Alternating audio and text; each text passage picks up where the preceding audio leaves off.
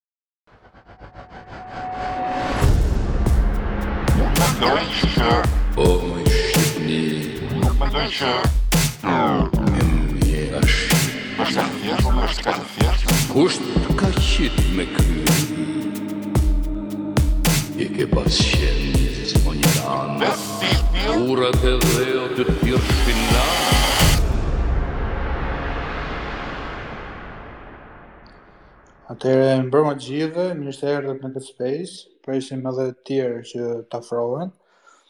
Tema për sot është nacionalizmi dhe minoritetet, sepse donim të evitonim që të flisnim vetëm për Kosovën, Kosovën gjithë kohës, sepse Kosova ka qenë tema e nxehtë e ditëve të fundit, e javëve të fundit, por duam ta zgjerojmë pak bisedën në Lidhje me nacionalizmin, lidhje me raportin që ne si Shqipëri apo si vende ballkanike kemi me minoritetet etnike apo minoritete të tjera brenda vendit tonë dhe në raport me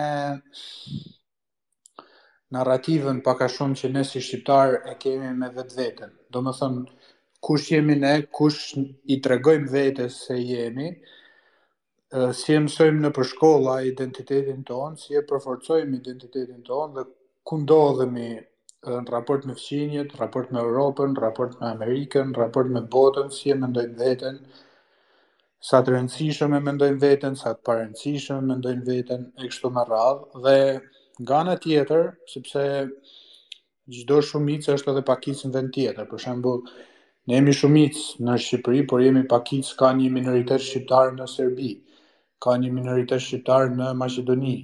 Është Kosova që ka probleme me minoritetin serb në vendin e vet, i cili nuk don, i cili refuzon të integrohet në shtetin e Kosovës dhe madje nuk e njeh fare atë shtet. mendon akoma se është shumicë edhe se këta janë minoriteti që duan të shkëputen nga ne dhe ne jemi pjesë e Serbisë. Pra, kjo marrëdhënie problematike që shtetet kanë ose më saktë që popullatat kanë me njëra tjetrën, ë duam ta ta analizojmë edhe të reflektojmë pak mbi të. Dhe Në të njëjtën kohë të reflektojmë edhe mbi nacionalizmin, sepse nacionalizmi është një shpikje e vonë relativisht, ka ardhur me modernizmin pas revolucionit industrial. Dhe shtetet, ndër to edhe shtetet ballkanike kanë filluar të krijojnë një identitet të vetin, kanë filluar të krijojnë shtete në në bazë të kombësisë, jo më në bazë të sovranitetit të princit, por në bazë të kombësisë, kanë filluar të krijojnë territorin e tyre dhe hegemoninë e tyre. Hegemoninë e gjuhës, ndonjëherë hegemoninë fetare e kështu me radhë. Dhe duam s'duam në bazë të shtet kombeve moderne është kjo pra që një etni në atë lloj në atë territor ka krijuar një hegemoni kulturore mbi gjitha tjerave, i ka nënshtruar tjerat dhe tjerat janë uh, minorancat të cilat uh, mundohen në një mënyrë apo në tjetrën të bashkëpunojnë apo të, të, të bashkëjetojnë brenda atij komuniteti që, tu, që që quhet shtet.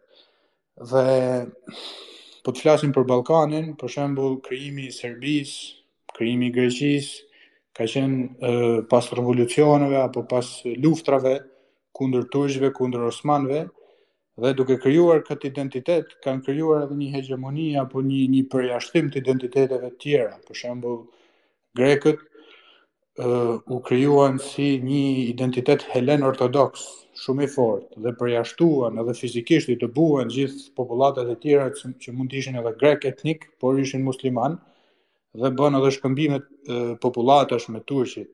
Morën ortodoksë nga vende nga Ponti, nga vende të tjera dhe dëbuan muslimanë që e kishin vendin e vet. Pra, projekti i shtetndërtimit në Ballkan ka qenë një projekt i përjashtimit apo i një hegjemonie të re të krijuar në shekullin e 19 apo në 18 kur është krijuar. Dhe tani ne gjendemi me probleme të tilla, siç është problemi i Kosovës, ku këto minoritete apo edhe në Bosnjë sigurisht që është problem shumë më i madh, ku këto minoritete nuk duan, refuzojnë të jetojnë nën nën sundimin apo nën hyqmin e një maxhorance tjetër dhe nuk nuk e pranojnë dot që të jenë minorancë. Ky s'është vetëm problem i Ballkanit, sigurisht është edhe problem botëror, për shembull janë minoritetet ruse në vendet ish në, në vendet e ish bashkimit sovjetik, për shembull rusët në Moldavi, në Transnistria, rusët në Ukrainë, Donbas, rusët komunitetet rusisht folëse në Bielorusi apo në vende të ndryshme, dhe këto janë përdorur edhe si mjete imperialiste nga shtete të mëdha për të për të shtrirë sferën e tyre të ndikimit dhe ndonjëherë edhe për të destabilizuar shtete të tjera apo komunitete të tjera dhe për për të rrit fuqinë e tyre.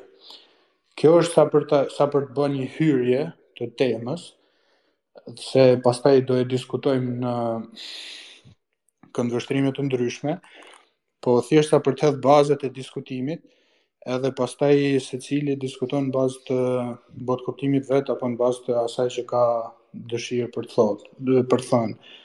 Po për mua kjo është thelbi, domethënë, identiteti, nacionalizmi, nacionaliteti, rrëfenja apo narrativa që një vend ka për vetveten, dhe raporti me minorancat apo raporti me etnitë e tjera. Kështu që ta lë fjalën ty Blon. Uh, Faleminderit, mirëmbrëma të gjithëve. Ëm um, unë s'do mbaj shumë gjatë me që që ta kalojmë uh, tek të tjerët më, për më mirë për të filluar uh, diskutimin. Po doja të shtoja te pjesa ku ti the që shtetet e tjera kanë bazat e tyre ose le të themi një pjesë të mirë të një pjesë të mirë të formimit të tyre kanë tek shkëmbimi fizik i popullatave dhe vendosja e doktrinës së tyre në shembujt paraprak edhe më të mirë në fakt janë Greqia dhe Serbia një mënyrë një lloj ekskludimi fizik në në në rastin e Greqisë dhe edhe një shtypje dhe një le të themi mbështjellje me një vello nga ana e Serbisë që nuk është se i hoqi të gjithë fizikisht, pavarësisht se u janë munduar disa herë, po thjesht i shtypi aq shumë sa ata avash avash e humbën identitetin e tyre, siç kemi sot shembullin më të mirë që është Sanxhaku.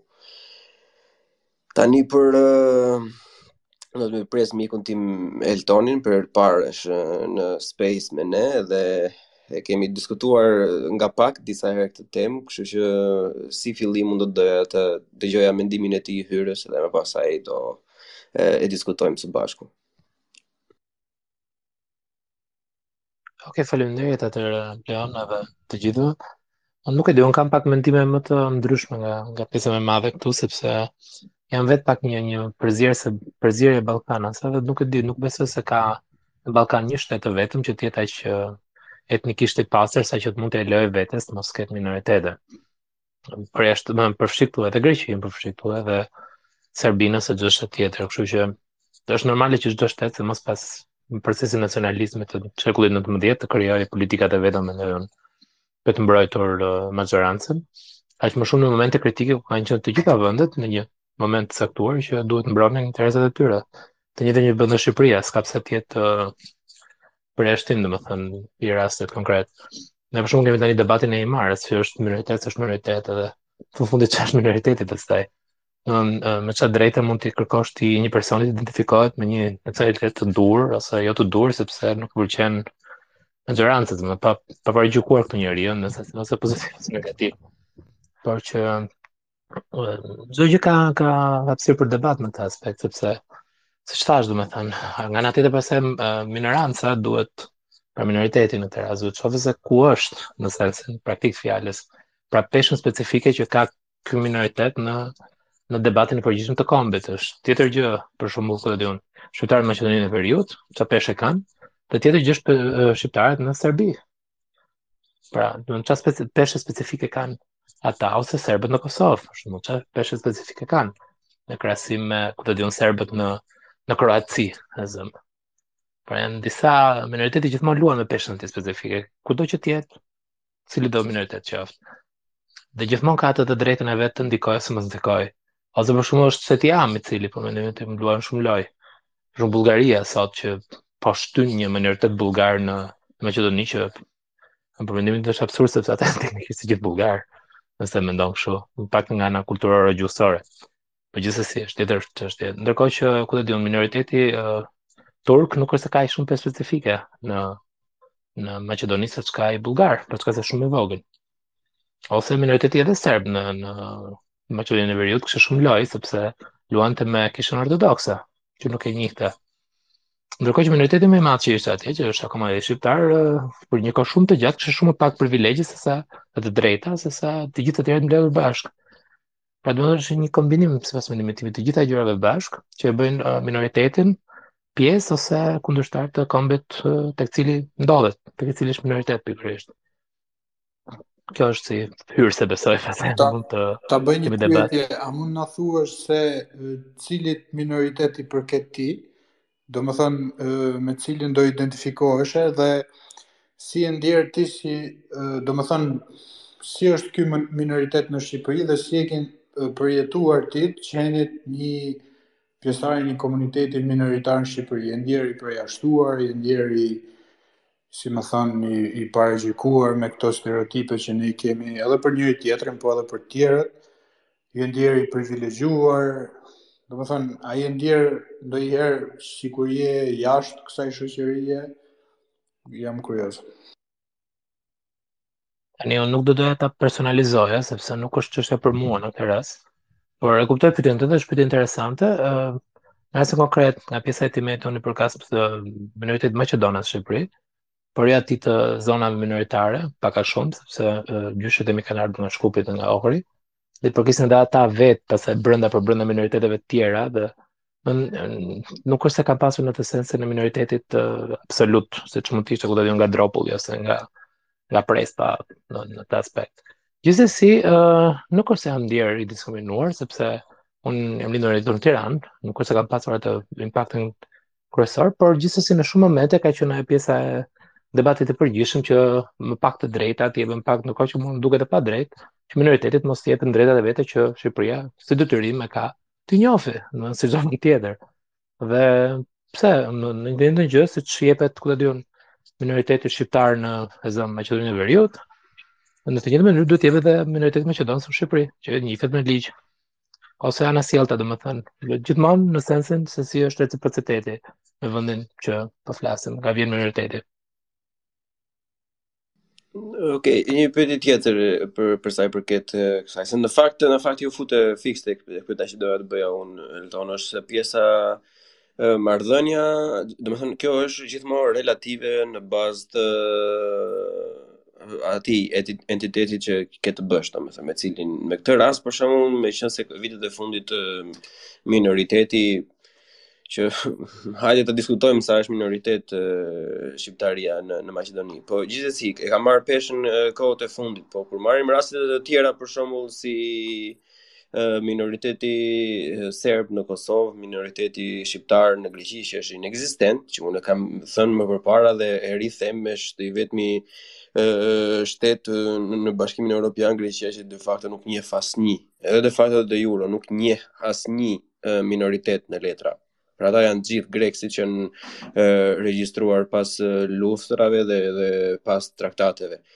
Si mund t'u sillesh, domethënë, meqë ti përmende Himarën apo Dropullin e tjerë e tjerë, si mund t'u sillemi ne, në mënyrë kaq jezuite, kaq me të kthyer faqen tjetër, duke pranuar çdo lloj gjëje, kur ne e dimë shumë mirë se si sillet qeveria, politika e brendshme greke, po dhe e jashtmja, me jo vetëm emigrantët shqiptarë, që nuk janë minoritet, janë, ok, mund të jenë minoritet po të ardhur më vonë, po dhe për ata që janë le të themi me me qindra e qindra vite atje. A nuk është kjo pak naive nga ana e Shqipërisë që të sillet sikur uh, jemi ne më të emancipuarit edhe kësisoj sakrifikojmë çdo lloj le të themi të mire tonë vetëm vetëm e vetëm për t'u dukur, se një funksion tjetër përveç dukjes nuk besoj se kjo ka. Atëherë nëse pyetja është për mua, mund të përgjigjem unë. Po po, po. Atë Okej. Okay. Shumë bukur. Atëherë këtu ke dy tre elemente që ti nuk i përfshin në në debatin tënd. E para një është vlerat tradicionaliste tolerante të shoqërisë shqiptare, që deri tani kanë bërë shumë nder këtij vendi dhe që duhet vazhdojnë të promovohen edhe më tutje. Këtë nuk e ka as Greqia, nuk e ka as Maqedonia, as të serbët as një tjetër. Pra kjo është në favorin tonë gjithsesi në në këto. Sa për sjelljen pastaj çelësi i parë është regjistrimi i drejtë i popullsisë. Ti akoma dhe sot nuk e bëmë regjistrim të popullsisë, në Shqipëri i fundit është 2011-s, ku një pjesë u bojkotua, sidomos për fenë. Kështu që që këtu është një problem shumë i madh. Pavarësisht kësaj, ne duhet të zbatojmë ato rregulla që kemi nënshkruar për të zbatuar. Tani ne jemi në një pozicion si shtet, Shqipëria, që nuk ka luksin që të mos respektojë, sidomos atë grek. Sepse uh, varesh nga Greqia për shumë gjëra nëse do të bëhesh pjesë e Bashkimit Evropian. Opsionet janë dy.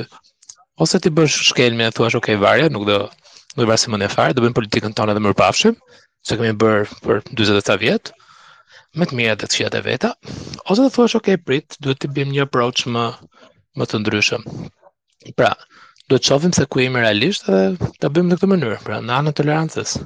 Edhe nuk është një ndjesi sadomazokiste në sensin kombëtar të fjalës, është thjesht një approach tolerant, një qasje tolerante në një çështje që ti vërtet është shembull për ata, sepse unë mendoj personalisht se Shqipëria është realisht shembull për minoritetet në në rajonin tonë. Edhe këtë vështirë se mund ndonjë vend tjetër nga këto të, të rajonit tonë.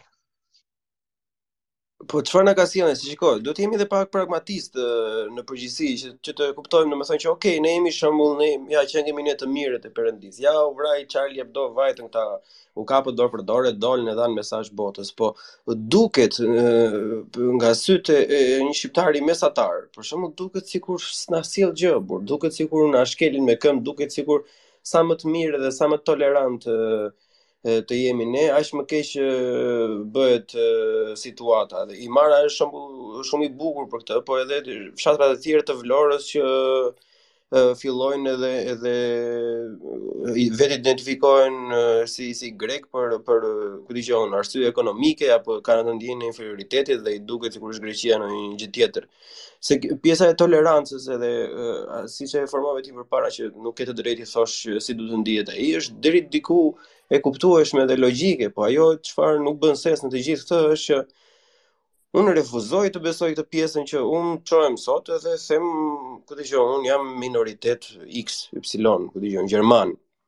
Kot, sa sa sa për shembull, domethënë, duhet të ketë njeriu duhet të ketë ca baza për këtë. Nuk mund të çohet çdo njeri siç siç ishte ajo vrulli para 10 viteve edhe që filloi para 20 viteve, po para 10 viteve sikur ra intensiteti me ndryshimet e politikës greke dhe ekonomisë greke, që i dim gjithë skandalin me me me me pensionet që ishin lidhur aty, derisa nuk u përballuan dot më dhe nuk po, po pagoheshin më.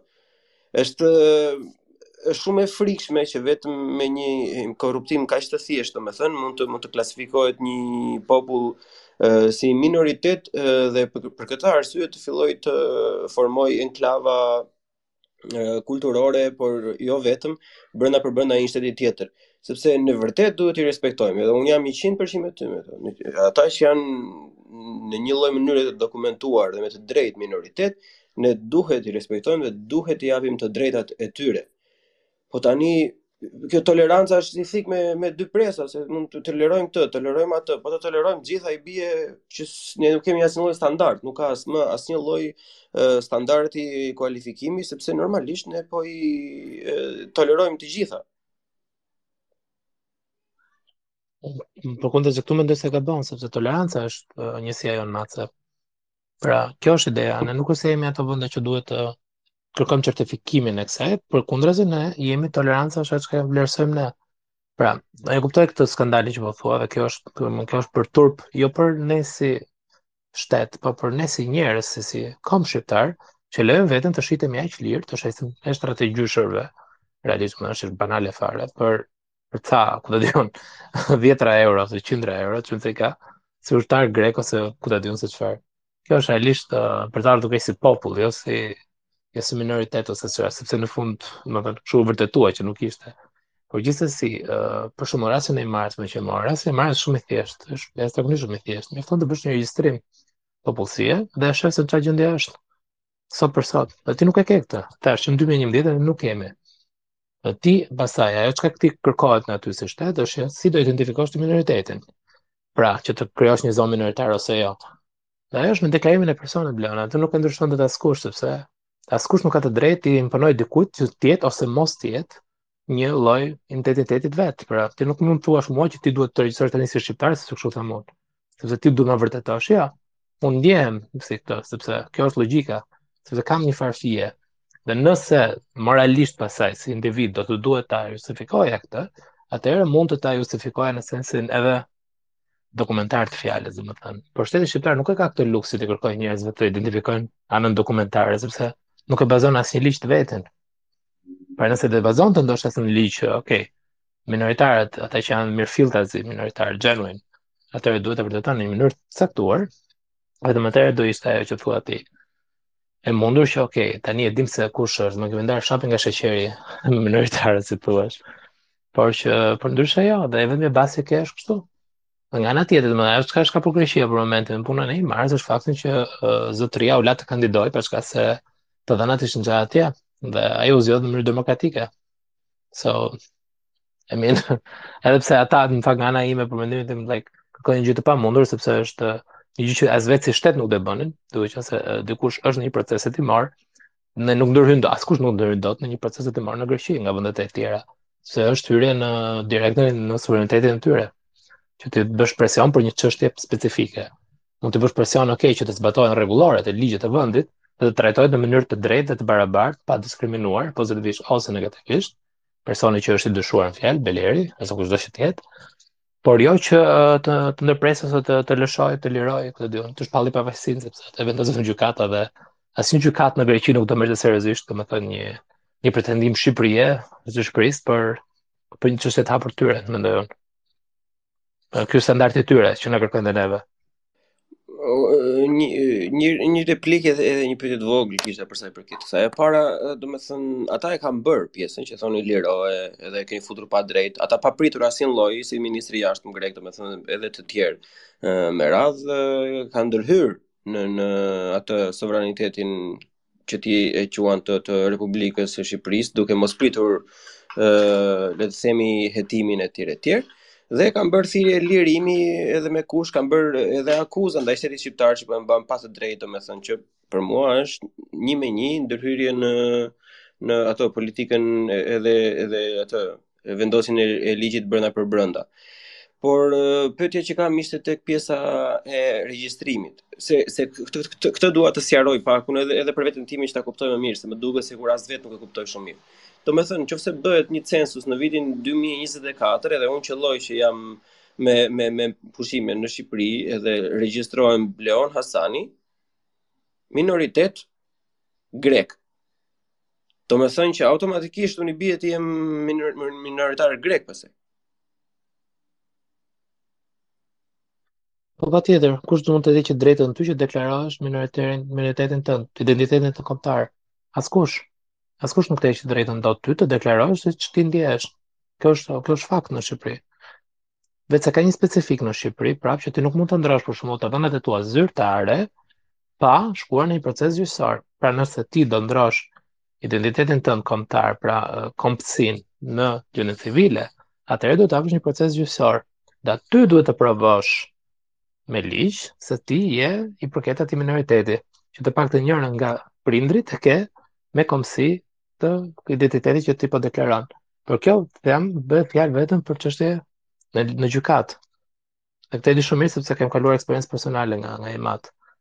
Kështu që është kjo është specifika. Ndoshta kjo do ishte ajo që shteti shqiptar mund të kërkonte si regjistrim. Pra që të njihte zyrtarisht edhe këta vetëm personat që të paktën në certifikatën e tyre të lindjes kanë kombësinë greke, shqiptare, turke, kineze, ku di unë se çfarë. Pra ky do ishte ai çelësi që ti po kërkon, besoj unë, për të regjistruar uh, minoritetin ashtu siç do. Gjithsesi ti nëse do vije në Shqipëri dhe do regjistrohesh, për shkak ti nuk regjistrohesh dot gjithsesi se ti nuk je rezident në Shqipëri, ti nuk jeton këtu. Pra ti përjashtohesh automatikisht nga nga kjo gjë.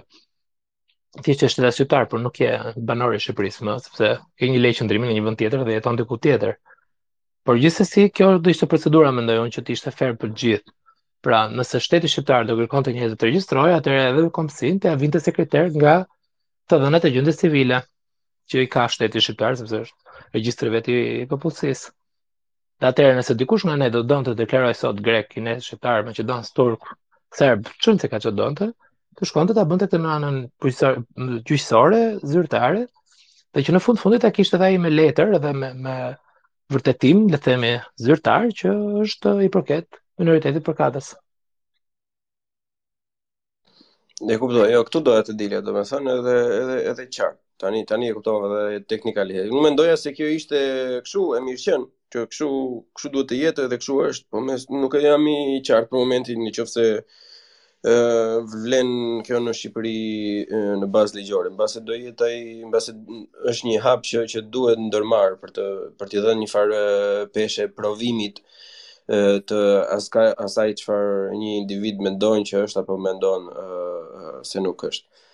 Gjithsesi mund të them diçka të, po, vogël këtu sa për të të shtuar, nëse mbaj mend siç duhet, mund të më korrigjoni se nuk jam aq i kthjellët tani për këtë pikë, por mbaj mend që kur është bërë regjistrimi i fundit para shumë vitesh, një nga kriteret e deklarimit ka qenë pikërisht kjo zyrtarja. Dhe prandaj u bojkotua në masë nga popullsia minoritare greke. Nëse shteti shqiptar kërkon të ketë këtë nen, këtë pikë, domethënë që ti nëse të deklarohesh e zëm, ishte një nga kriteret dhe prandaj edhe ata nuk e njohën si si census. Faktin që ti duhet të vërtetoje faktin që je, çfarë deklaron që je. Dhe atë, nëse mbaj mend census është bojkotuar në masë nga Vullneti uh, minoritare grekes që pretendon domethënë që minoritarët grekë flasin. Sepse nuk kishin dokumentacionin përkatës bashkëshoqërues që i përkisnin minoritetit përkatës për të cilin po flisin, por nuk jam më i sigurt, më se kanë kaluar deri në 12 vjet mos gaboj. Censusi i fundit është bërë 2011-ën, mos e më mendoj. Edhe është kërkuar atë realisht që të të jepet certifikata që të vërtetosh se ti je çfarë thua që je. Sepse për ndryshe nuk ka vlerë, domethënë deklarosh ç'do ti.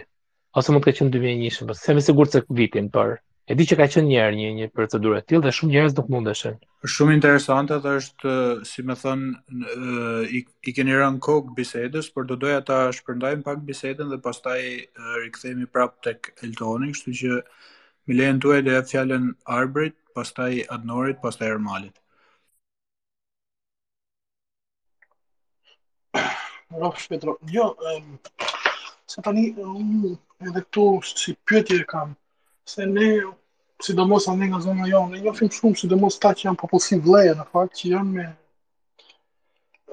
me dokumenta grek, me, se e ishte pyetja te kjo, domethënë si ndrrohesh, se uh, biles të them të drejtën me sa di unë, mbase edhe gjysma e tyre që janë deklaruar minoritar grek, pra në Shqipëri nuk janë as minoritar grek, po le të themi janë vlleh ose minoritete tjera që mund të jenë ortodoks. Ndërkohë që unë e vërtet është minoritar grek, puro, që nuk ka asnjë lloj dokumenti grek.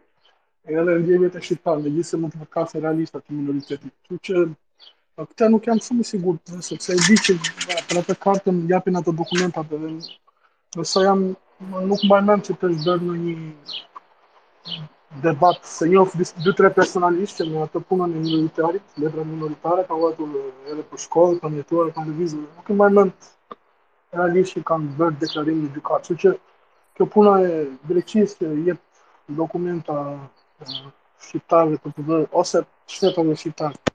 Si minoritarë është çik më e thjeshtë se të vesh thjesht në një gjyq apo të bësh prova. Vetëm për atë shtetësinë e dim pastaj që ata duhet të venë të bëjnë ushtrinë ose s'venë në Greqi derisa të venë 40 vjeç. pak një vit edhe pastaj marri statusin e plotë si helen. Në sa për, se ma, ma, ma kujtoi dhe Eltoni, dhe më përpara. Uh, shiko, edhe problemi. E vërteta është që për mua neve na bën nder ajo më vetë vetë ajo trajtimi që i kemi përgjithësi minoriteteve. Çfarë fitojmë? Ata nuk kemi fituar ndonjë sepse s'i kemi përdorur si, si levë, si presion ndaj shteteve rreth Europës, por edhe për shkak të fuqisë së Shqipërisë, unë s'di shumë për Greqinë nuk jam i sigurt, e di që ata kanë deklarimin, po me sa jam në dijeni ata kanë disa minoritete, për shembull janë këta pomakët që janë kuptet bullgarë muslimanë në ato zonat me Maqedoninë, por që nuk i, kuptohet se Greqia nuk e njeh formalisht Maqedoninë, që, që nuk i pranojnë si maqedonas. Ëm që t'i kthehem kësaj, ë, trajtimi që është bërë në Shqipëri për mua, fiks, edhe kjo është më, na bën nder ajo që ne nuk e kemi problem, për mua ata në fund, radhë parë janë shtetas shqiptarë. Problemi është që në Ballkan e, kam përshtypjen që shtetësia ose vendi ku jeton, ku ashtu shikohet si jo si primare, e, jo si E rëndësishme në fakt është nga je dhe jo ku je dhe ça bën.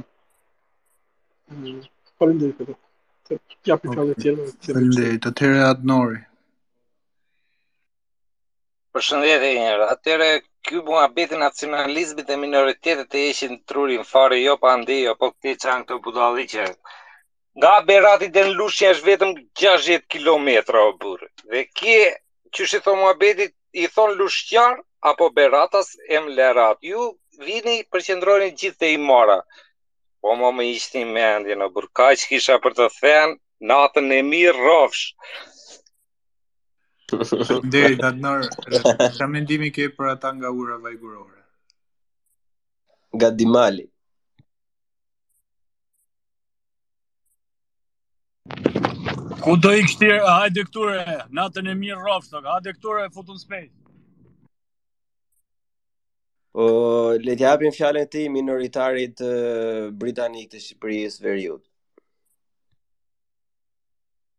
Ore mirë mbrëma të nderuar. Mirë mbrëma co-host dhe host dhe listener speaker të gjithë. Mirë mbrëma mirë se ju gjej. Kënaqësi që ju shof. Ju dëgjova. Po flitej që jo është bërë tolerancë e madhe, jo është bërë ashtu. Domethënë u, u përfolën shumë gjona. Por Nuk e di nëse u tha që shteti aktualisht nuk ka bo asni gjo për këto, për këto po thona Himarën që kapet në këtë rast. Uh, Greku ka ardhë deri lartë, normalisht, edhe këtë gjo e ka arrit duke pagu njerëz dhe duke u siguru pensionet, ndërkohë që shteti nga ana shteti shqiptar nga ana tjetër s'ka bo asi gjo. Edhe juve mund ne mund të flasim gjithë ditën për nacionalizmin, por një nacionalist me bark bosh nuk nuk i nuk i ecën askush nuk e do këtë gjë. Prandaj, nëse shteti jot nuk kujdeset për ty, normalisht ai tjetri do kërkojë nënshtetësi tjetër dhe rrjedhimisht pashaporta greke ka bo që pjesa ma e madhe e Himarës sot janë në Amerikë, janë nëpër gjithë botën. Edhe nacionalizmi e këto nuk të pinë ujë mo për aq kohë sa ti nuk ke mirëqenie. Nacionalizmin e kishim kur e kishim që u nxit në kohën e, në kohën e komunizmit dhe ishte diçka shumë e mirë. Nga pak nga nga gjonat e mira të pakta që kishte komunizmi, e kishim nacionalizmin, por që me ardhjen e, e demokracisë në thonjëza po themi, ë ka humb edhe edhe vetdia si komb ka humb. Pasi siç e siç e dim, gjithë po synojnë t'ikin dhe po synojnë sa Europën, sa sa sa Amerikën, sa anej sa knej. Edhe ja ku jemi të shpërbërë, edhe me një popull që aktualisht e kemi shumë injorant dhe e kemi shumë shumë të varfër dhe të dobët, që nuk nuk ngrehet dot për veten e vet. Për aq kohë sa shteti jot nuk kujdeset për ty, mos prit që që qytetari qytetari të ketë nacionalizëm edhe të të të konsiderojë veten shqiptar apo apo të mos të mos marrë, të mos pranojë kombësi të tjera. Kështu që ne mund të flasim gjithë ditën se si funksionojnë, ça janë, si janë, ça bëjnë, po kjo është kjo është normal. Ti je shqiptar, nuk është nuk varet nga mirëqenia, është identitet. Po varet zotri nga mirëqenia se se në qoftë se unë nuk marr një rrogë ose në qoftë se unë nuk kam mundësi, nuk nuk mbaj dot veten, jo grek bohem, po bohem edhe arab, bohem vetëm që të kem një një një një të ardhur fundja. Po mirë, sa lek mos... duhet t'i japim ne shqiptarëve që të të vazhdojnë të thonë se janë shqiptarë. Sa e kanë kuotën? 1 milion lek muji. 1 milion lek muji. Në qoftë se i japim 900, po. ato janë grek. Po, pyti pak sa marrin ato minoritetet greke, sa paguhen. Po pra, po nuk është burs kjo, nuk është tregti që unë po kaq lek edhe je shqiptar, ai po të jep më shumë edhe je grek, se nuk të por po zotri ti po kujdes për është Ore, ti do kujdesesh për qytetarin tënd në momentin që ti për një periudhë 10 vjet, 20 vjet nuk kujdesesh. Ai normalisht do shohë do gjejë një rrugë tjetër dhe do gjejë cila është rruga më e mirë. Ti mund të emigrosh edhe prapë se prapë ti je shqiptar, pse duhet të ndryshosh? Po, po jo më zot, ti do të nuk emigroj dot se aktualisht si shqiptar që jam jashtë shqiptar akoma po synojnë të bëjnë letra nëpër shtetet e huaja. Është tjetër të bësh letra, tjetër të ndrosh komsin. Po, po do e ndroj komsin, do e ndroj sepse kam më, më kam lëvizje qarkullim më të thjeshtë nëpër Europë. Sepse letrat mu marrin shumë kohë, më marrin shumë kohë dhe më marrin shumë lekë. Po, ore, komësia është identiteti yt, nuk është punë leverdie. Ore, nuk më, ore,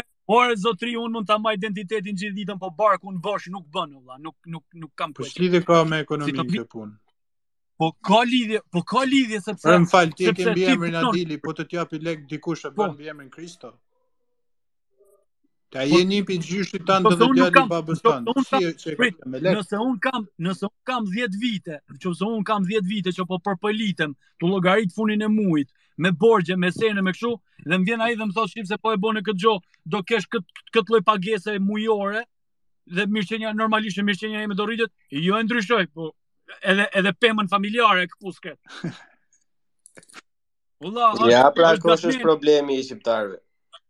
Është ngat mendjes, vëlla, që nëse ke barkun bosh, nuk ke ça i bën vetes, çka barku bosh nacionalist, edhe po jo, edhe hajde jeto. Po jo, me barkun bosh, askush nuk të pengon të punosh apo të bësh letra Po dakord mo zotri, dakord. Po ideja është se po tashi... identiteti yt kombëtar lidhet me prejardhjen tënde, lidhet me traditat, me gjuhën që flet, lidhet edhe me po, fisin që i përket apo krahinën që i përket. Nuk është identiteti kombëtar njësoj si të thuash për shembull do studioj për financë apo inxhinieri apo do zgjedh këtë parti apo atë parti apo do zgjedh të investoj në bursë apo të punoj punë krahu. Ore unë jam shumë Pa lidhje me ekonominë kjo, ekonomia është fushë tjetër e jetës. Ore, ore, unë jam shumë dakord me ty, më jam me gjithë dakord me ndjenjën e... Jo mo s'është punë ndjenje, unë po të them që janë dy gjona të ndryshme ekonomia dhe komësia.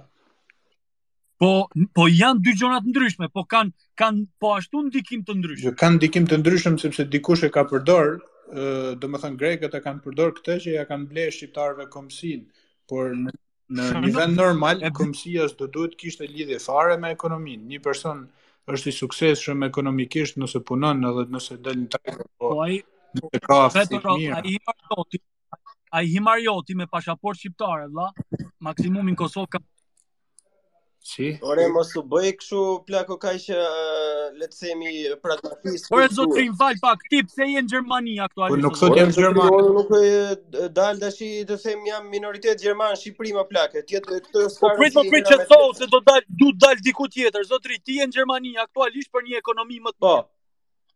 Ai tjetri nuk ka mundësi të ikë në Gjermani siç ke ik ti. Nuk ka kualifikimin e duhur apo ku di unë uh, një shkollimin e duhur apo apo mendjen e duhur, le të themi që të dijë që të manovrojë situatën, që të gjejë çka tjetër që mos të ndrojë etninë. Në momentin që ai i ka ardh i ka ardh thika në kockë, edhe s'ka ça bën,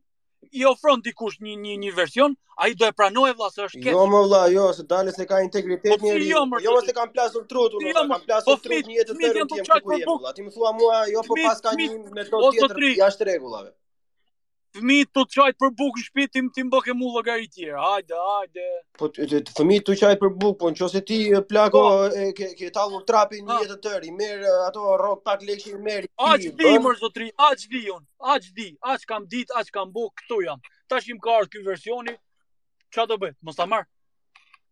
Okej, okay, okej. Okay. Se kanë pra, kanë ja ja të të marrin dhe një sekond, Leon.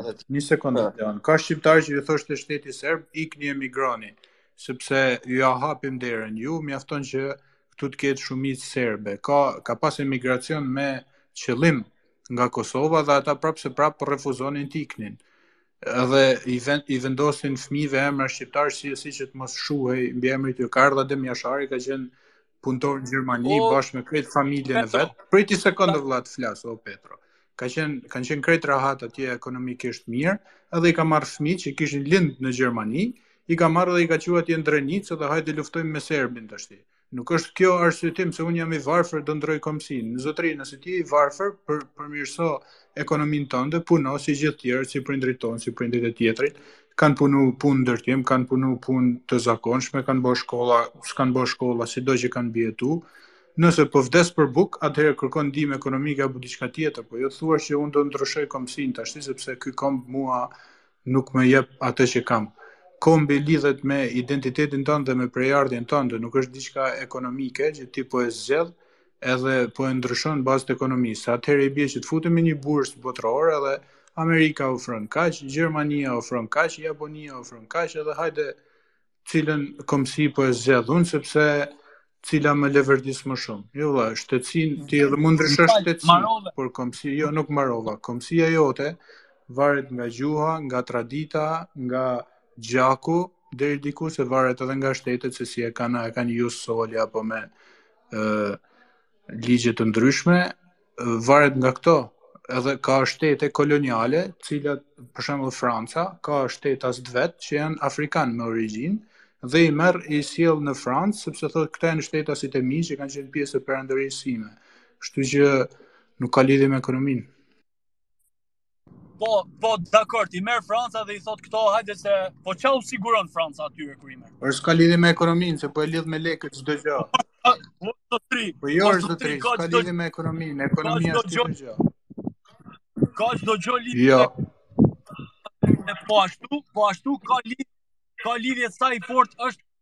sa sa përkujdeset ai shtet jot për ty. Është gjë, sa përkujdeset shteti është tjetër ekonomia.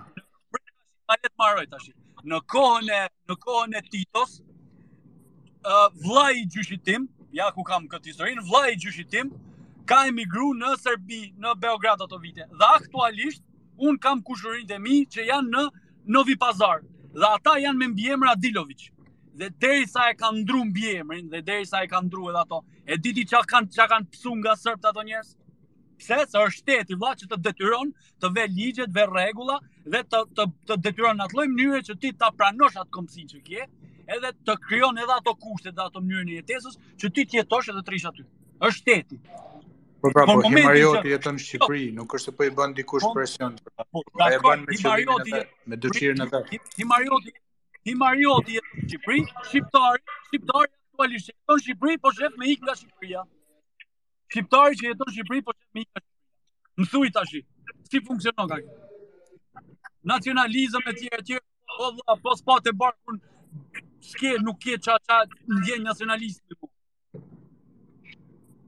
Ok, të marrim uh, Eltoni pastaj në qeta. Atëherë, është një çik interesante si bisedë, është shumë normale që varfëria ka të bëjë jashtë mase shumë, sepse jemi gjithë dëshmitarë për të gjithë, dhe po ka të drejtë se shumë njerëz thjesht në varfëri ekstreme, uh, në mos pasje një rrugdalje XY, kanë zgjedhur rrugën më të thjeshtë të shesin vetveten, identitetin apo diçka të tillë. Por kemi një problem shumë të vogël, që kemi disa paradokse të çuditshme në rastin tonë konkret. Për shembull, Himara nuk është nga rajonet më të varfra të Shqipërisë, përkundrazi. Rajoni e Bregut, edhe Himara janë sidomos gjatë 10-15 viteve të fundit kanë marrë një hov të jashtëzakonshëm janë po bëhen avash avash nga zonat më të lakmuara në vend. Edhe aty ne dimë shumë mirë që nuk luhet identiteti i lojës, sa luhet identiteti i pronës nga ana e himariotëve. Dhe këtë ky është fakt që nuk neglizhohet. Ndërkohë që kemi për shembull uh, këto rajone më të varfra që bie Hasi, Puka, Kruma, këto janë Kukësi që janë rajone realisht tërësisht, domethënë, të varfra me me standarde nën, nuk e di se sa nën europiane. por që etnikisht nuk kanë pasur kurrë pyetje në çështje etnike, aq më shumë në në Kukës biles ke edhe Shishtavecin që janë teknikisht minoritarë goranët. Dhe prapë nuk kanë atë shkallë të lartë të kërkimit të minoritet të të të, të drejtave minoritetit për shembull bullgar që mund të merrnin, sa çfarë himariotët atë grek. Pra Ermal nuk është më ana ekonomike që ka shtyrë ca njerëz, por ka shumë gjëra të tjera në prapaskenë. që ne me siguri nuk është se i dimë. Ti ke të drejtë për atë gjë, për shembull në rastin më idiot të mundshëm, në Maqedoninë e Veriut pothuajse 300 mijë, 300 mijë. Pra, është një e treta pothuajse e popullsisë sllavo maqedonase ose ka bërë kërkesë ose ka marrë tashmë nënshtetësinë bullgare. Pra nga 1 milion e 100 200 mijë sa mund të jenë sllavo maqedonase sipas regjistrimit të tyre, 300 mijë plus minus kanë kërkuar ose kanë marrë gja nënshtetësinë bullgare. Një e treta e kësaj popullsie. Pra, kjo është ai faktori ekonomik që po flisim. Por gjithsesi, kur vjen pala e brendshme, kur nuk e japin veten për për bullgar. Ti thjesht e kanë përdorur në anën në anën politike. Të njëjtën gjë çuditërisht kanë bërë edhe minoritetet maqedonase në Shqipëri, si në Gollobordë, dhe dhe në Prespë, në masë në masë të madhe. Kanë marrë pashaporta bullgare, janë deklaruar herë bullgarë, herë maqedonas, sipas interesit, uh, si vje, pavarësisht faktit se kush i ka vizituar, atë kanë deklaruar. Dhe ky është ai oportunizmi i identitetit në këtë rast. Ti ke të drejtë për çfarë thua që varfëria është pjesë dhe është shumë e drejtë. Por, prapë kemi shumë si shtash shumë të forta që janë kundër asaj që sapo the dhe Ose kujtoj unë, ka zona rajone që realisht në Shqipëri janë në masë të varfra dhe prapë nuk janë të huaja. E zona relativisht të pasura që bëhen të huaja, sepse kanë interesa të tjera x ose y.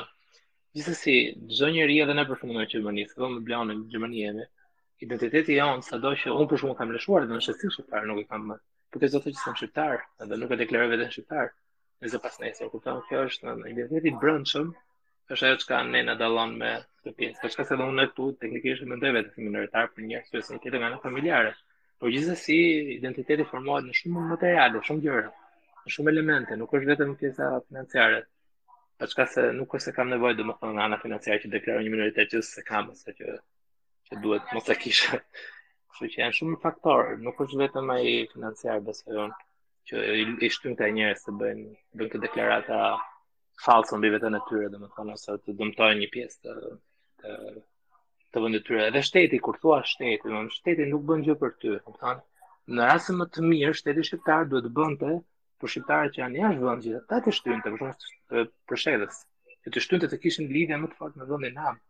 Por shteti nuk mund të paguajë njerëz sepse janë aty, nuk është e pamundur edhe pastaj do sillte një një varg financiar shumë të rëndë sepse sa më shumë të pagonte shteti njerëz kot, aq më shumë do të rriteshin çmimet, do bëheshin të gjithë kështu një nivel.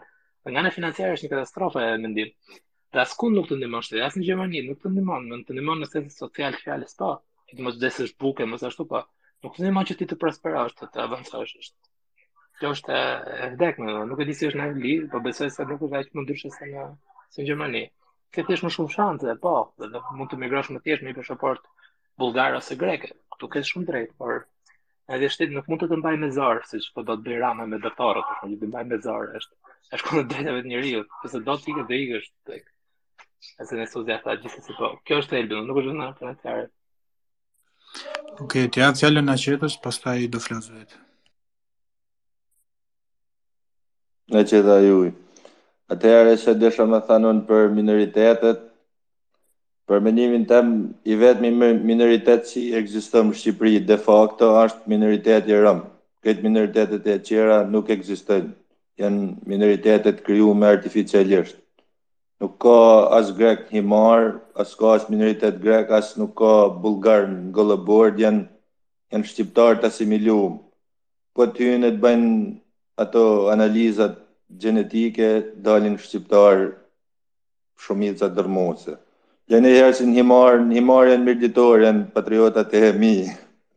Nuk ka nuk kanë lidhje me grekun, veç janë bo grek me marrë qato asistenca, nuk e di se sa sa ju jep greku n'muj. Domethanë i vetmi minoritet që janë për mendimin tem janë minoriteti rom që janë në gjithë Shqipëri, a kupton dhe janë i vetmi minoritet që diskriminohet.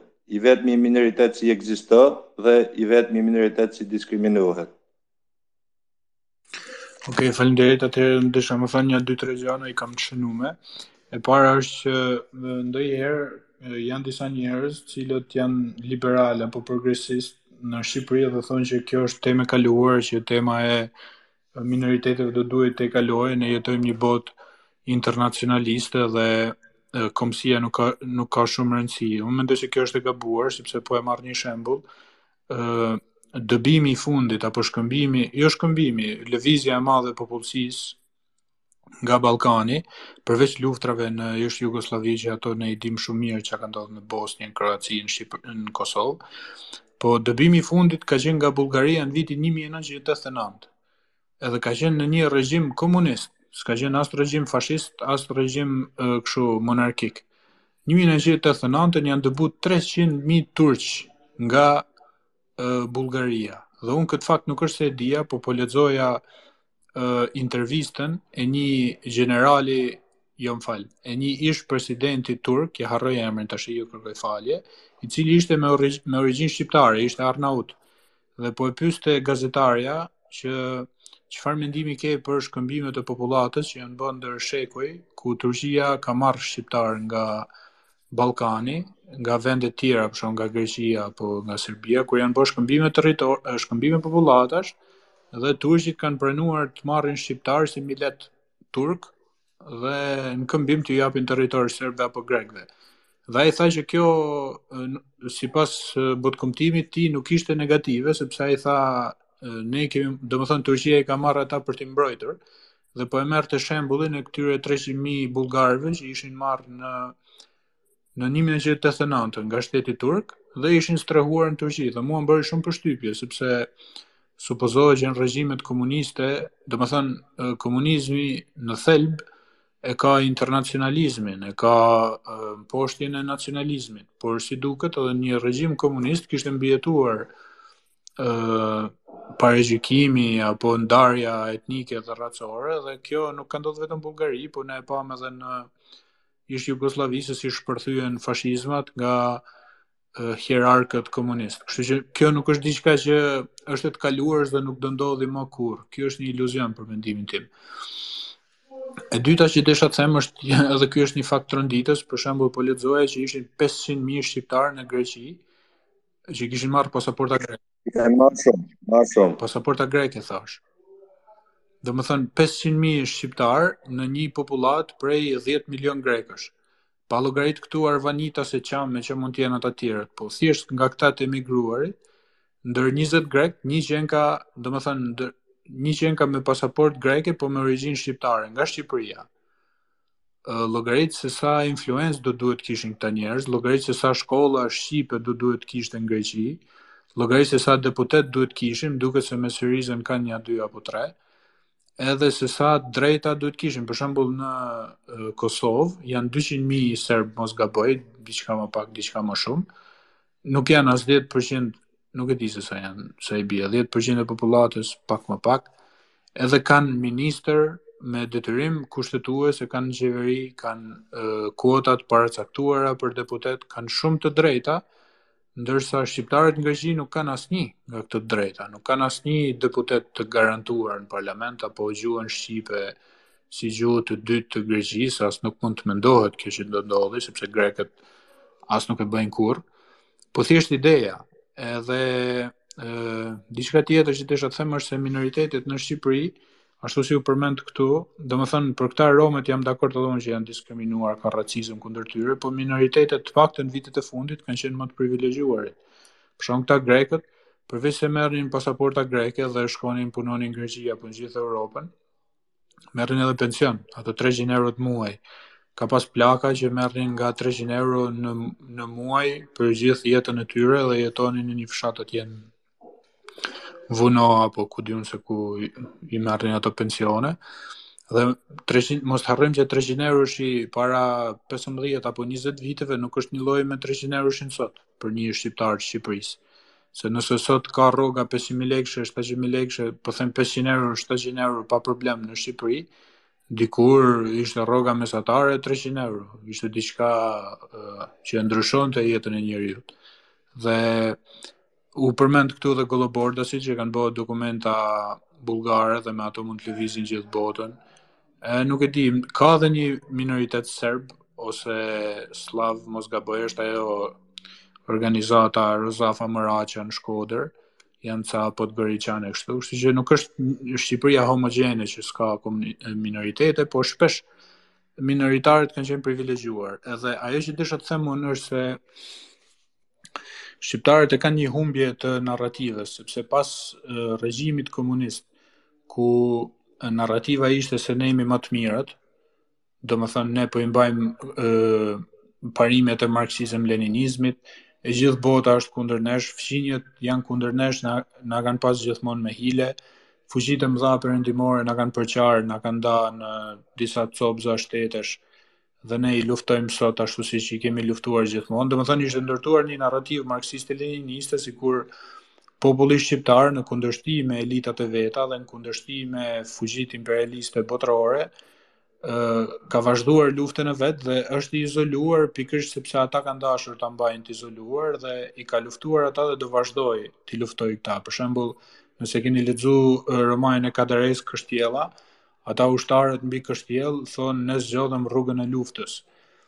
Edhe thonë që ne mund të kishim jetuar në paqe shumë mirë, mund të ishim nënshtruar tek turku, po ne zgjodhëm të të luftojmë për t'i dhënë një mesazh kombit tonë dhe Europës që shiko se ekziston edhe qëndresa, ekziston edhe edhe krenaria e qëndresës, edhe pse ti je i vogël dhe mund të humbësh.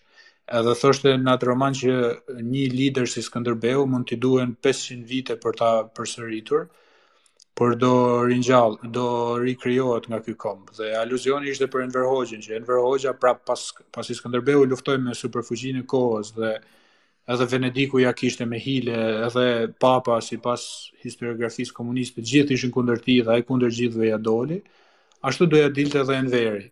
Tani, kjo narrativë u rrëzua në fillim vitet nëntëdhjetë, sepse shqiptarët e panë që jo vetëm që ne ishim, nuk ishim superiorët, po ne ishim fundi i kavallit në Ballkan edhe në Europë, edhe dolëm super të varfër, dhe jo vetëm që pati një anarki në gjitha aspektet e jetës në ekonomi, po edhe në një narrativë, për shembull, po të pyesësh një të ri shqiptar sot, çfarë do të thotë të jesh shqiptar, as nuk nuk është se ka ndonjë ndjenjë, thotë është diçka që mua më pengon që të emigroj, apo është diçka që mua më më bën diskriminuar në Evropë. Nuk është se ka ndonjë ndjenjë krenarie, dhe për mendimin tim ne si shqiptarë, përveç kësaj narrativës europeiste që ok, do integrohemi, do përputhemi me standardet europiane, do i do i bashkohemi Europës, atëherë do të jemi të lumtur. Ne duhet të krijojmë një një rrëfenjë për vetveten, t'i tregojmë fëmijëve tanë, t'i tregojmë vetes tonë se kush jemi, edhe të fillojmë bazë të kësaj, pastaj të fillojmë të ndërtojmë strategji, të fillojmë të ndërtojmë politika të tilla që Le të jenë edhe patriotike, pse jo, për ta zhvilluar vendin dhe për të mbrojtë interesat jo vetëm shtetit shqiptar, po edhe të shqiptarëve jashtë kufirit, se për shembull kemi rastin konkret me Kosovën, ku shteti shqiptar jo vetëm që nuk i mbron interesat e Kosovës, po del në krah të Vuçiçit edhe thotë që Albin Kurti është problemi i Ballkanit se po do me na fut në luftë. Pra ne me këtë indiferencë dhe me këtë shplarje nga çdo lloj vlere nacionaliste, ne po i bëjmë dëm edhe shqiptarëve jashtë kufirit dhe po i bëjmë dëme të pariparueshme vetvetes, se jo vetëm po shpopullohemi dhe vazhdimisht njerëzit po ikin nga Shqipëria se nuk kanë asnjë lloj ndjenje nacionaliste apo asnjë arsye për të qëndruar, por po i bëjmë dëm edhe vendeve tjera, edhe pop, popullit shqiptar në vende tjera rrotull nesh. Dhe këto dëme do të shihen për mendimin tim pas 20-30 vitesh ku popullata shqiptare do jetë gjithmonë e më e tkurrur dhe interesat tona do e kemi shumë shumë më të vështirë të mbrojmë interesat tona edhe pronat tona në Ballkan edhe do bëhemi një vend i bangladeshasve dhe një vend ku vijnë serbët blejnë prona në bregdetin tonë dhe do humbasim edhe atë pak që kemi. Okej. Eltoni pastaj Nqeta. Ok, tashti do thoja që këtu janë dy gjëra që nuk uh, tingëllojnë sipas meje siç duhet, së pari është fakti që ti krahasove këtë rrethanë shqiptarët në Greqi dhe serbët në Kosovë, janë dy rrethana të pakrahasueshme. Një pak zërin të lutëm. Së pari Greqia është një shtet sovran, që nuk e ka marrë sovranitetin edhe duke bërë kompromise nga fuqitë e mëdha, të paktën atëherë kur e ka marrë, që nuk ka pse t'i uh, të zbatojë rregullat që ia imponojnë të tjerët. Serbët në Kosovë nuk i kanë marrë të drejta sepse janë shumicë ose janë më shumë. I kanë marrë sepse ato që e garantuan pavarësinë e imponuan. Edhe këtë e dimë shumë mirë. So, gjithsesi nga ana tjetër, uh, është ka se po ashtu është fakti që uh, për emigrimin, është problem në gjithë Ballkanin. Ne në Shqipëri jemi rasti më flagrant, Bosnja është e dyta mbas nesh, Serbia është e treta mbas nesh pritet që Kosova mbas një janarit të liberalizohen vizat dhe shumë më afër nesh në atë aspekt. Deri tani është thjesht përjashtim ngaqë nuk kanë mundësi të lëvizin lirshëm si ne, jo se uh, jo se nuk është se s'duan. Pra të gjitha vendet e Ballkanit, Rumania, Bullgaria kanë kaluar para nesh kur u bënë anëtarë të Bashkimit Europian. Greqia ka probleme jashtë mase shumë të mëdha të shpopullimit. Italia Jugore gjithashtu është fenomen europiano-jugor, nuk është vetëm i Sa për prona që se është fenomen i ligjor, derisa e kanë të drejtën ligjore, atëherë mos e lejoni, nuk mos e lini t'i blejnë, bëni një nen një kategori, siç u bë me atë telekomin, që nuk për arsye sigurie nuk u la serbëve, por iu dha në mos gaboj hungarezve, kujt ia dhanë më vonë. Por disa sektore, teknikisht mundet të, të bëhen kështu. Të huajt në Shqipëri nuk mund të blejnë tokë akoma, po kjo është fakt, ndoshta kjo akoma na mbron, por gjithsesi është edhe kjo është një çështje kohe sepse herët a vonë do të ndërrojnë edhe këto politika duke u përafruar me Bashkimin Europian.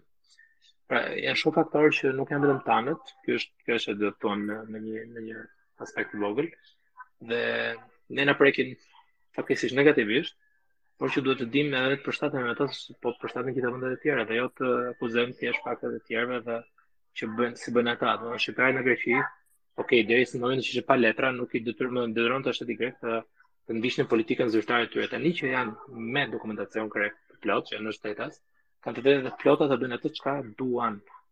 Dhe është faji i tyre në këtë rast që nuk organizohen siç duhet në bazën e vet. Fatkeqësisht, më vjen keq ta them kështu, por është kështu. Tani nuk i ndalon njeri ata 500.000 shqiptarë që thoni të organizohen si shqiptarë në Greqi dhe të kërkojnë të drejtat e tyre sepse janë faktor ligjvënës, veç më vete. deri dje nuk ishin se ishin migrantë, kishin frikën e letrave, dhe këtë e kuptoj shumë mirë. Se kishin pasur bën se ta erë mal përpara. Por tanimë është faji i tyre nëse nuk bëjnë lëvizjet e tyre dhe thjesht presin nga Cipras ose nga ku di unë kush tjetër është atje në në pushtet. Pra identitetin e tyre do ta kenë vetë ata tani të fortë. Po ndoshta mund ta rigjejnë pas 30 viteve ë uh, nënshtrim dhe denigrim nga ana nga ana greke. Por gjithsesi është në dorën e tyre e tashmë. Për sa u përket serbëve aty nuk flasim dot sepse në Kosovë ne jemi realisht të mposhtur në këto. Gjithsesi unë çuditem edhe në shembullin tonë që ke serbë në Libofshë të Fierit. Kjo është absurde dhe këtë nuk e kuptoj dot. Paçka se të them, mund ta kuptoj si funksionon një minoritet, si boshnjakët në Durrës për shembull që kanë e muhaxhirëve që janë i konsoliduar gjë, s'dihet dhe shumë në harmoni me të gjithë, nuk e vrasin mendjen. Ndërkohë që ne kemi serbë që, që bëjnë së shkolla serbe në Libofsh. Libofsh mund të jenë ata të kohës Zogut, sepse në Libofsh në Fier ka dhe Kosovarë që janë vendosur në vitet në pas viteve të zërë. Në Fier ka Kosovarë, po s'ka serbë, definitivisht. Jo serb. Kosovare. Janë boshnjak ata që i qesin si serb në Fier. Shumica janë boshnjak. Po, ata ata kanë bërë shkollën serbe atje, Arbër dhe ky është problemi shumë i madh. Po realisht për mua është absurde serb në aty. Se mund të ketë në në fshatrat e Shkodrës janë të Vrakës për shembull minoritet që dihet që ekzistojnë në vite po. Në Libofsh, man. Në Libofsh as shqiptar nuk gjen më dot, jo më të gjesh serb.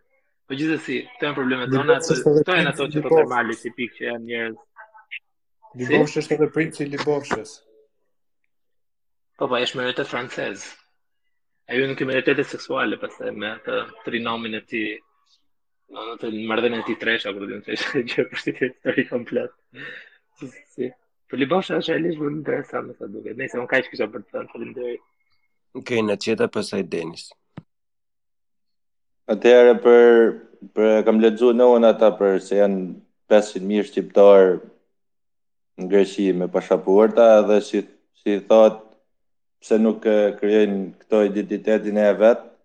Arsyeja pse nuk kanë deputetë që ashtu asht sepse janë të shpërndarë, më kupton, nuk ka një përqendrim shqiptarësh me pashaporta për shembull në një vend që me me pas numër votash me nxjerr deputetë, kjo asht arsyeja pse greku nuk u jep pashaporta shqiptarëve për mos me kriju identitetin shqiptar sepse në Greqi nëse janë 500.000 shqiptarë me pashaporta nja 1 milion e 500 janë që kanë mbas 20 vjetë që punojnë në Greqi e nuk jua jep greku pashaportat.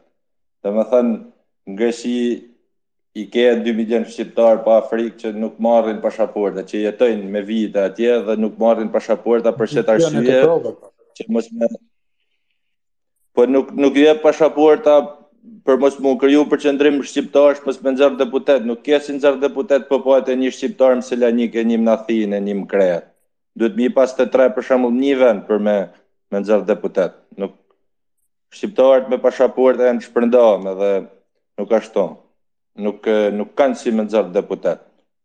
Po të kenë gjithë shqiptarët që jetojnë atje, të kenë pashaporta, nxjerrin deputet sa të dush, del 20% e e deputetëve del shqiptarë aty, kësi. Po për këto minoritetet në Shqipëri, se e kam ngju unë atë për në Fier se ka, ka minoritet serb, janë 1000 serba, ku di unë, si kanë shkollë e gjana, Edhe problemi i Shqipërisë për mendimin tem asht se ju jep jep shumë spotlight këtyne minoriteteve. Ju jep shumë vëmendje. Si ka mundësi ne kena minoritete gjithanej, s'pyet kush për të, a kupto? Na dalin ne minoritete me me me ka 10 vet, me ka 100 vet, në Fier ene bëjnë shkollën serbishte, mësojnë serbishte, mësojnë historinë serbe. Me muhabete, për mendimin tand nuk duhet të kenë asnjë lloj privilegji fare, nuk duhet t'i njohë Shqipëria si minoritet, e qen çdo minoritet grek, s'mund të ketë Shqipëria minoritete në përgjithësi kanë shtetet që kanë pushtu, ne si ka mundësi të kemi ne minoritete, minoritet duhet të ketë një shtet që është zgjeruar në territor, domethënë që që shtet ka kuptim të ketë minoritete, se ka pushtuar një etni tjetër dhe ajo etnia krijon identitetin e vet mrena shtetit. Shqipëria s'ka pushtuar ndonjë vend që të ketë minoritete.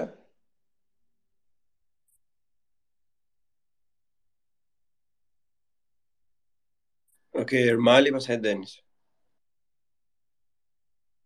Ah, mirë mbroma, mirë mbroma, dobro veče, unë jom minoriteti pej Kosovës, pej Kosovska Mitrovica.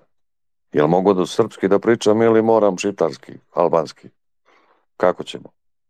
Minoriteti prej Kosovës. Po, po nuk të kuptojmë serbisht, o fol shqip ose anglisht.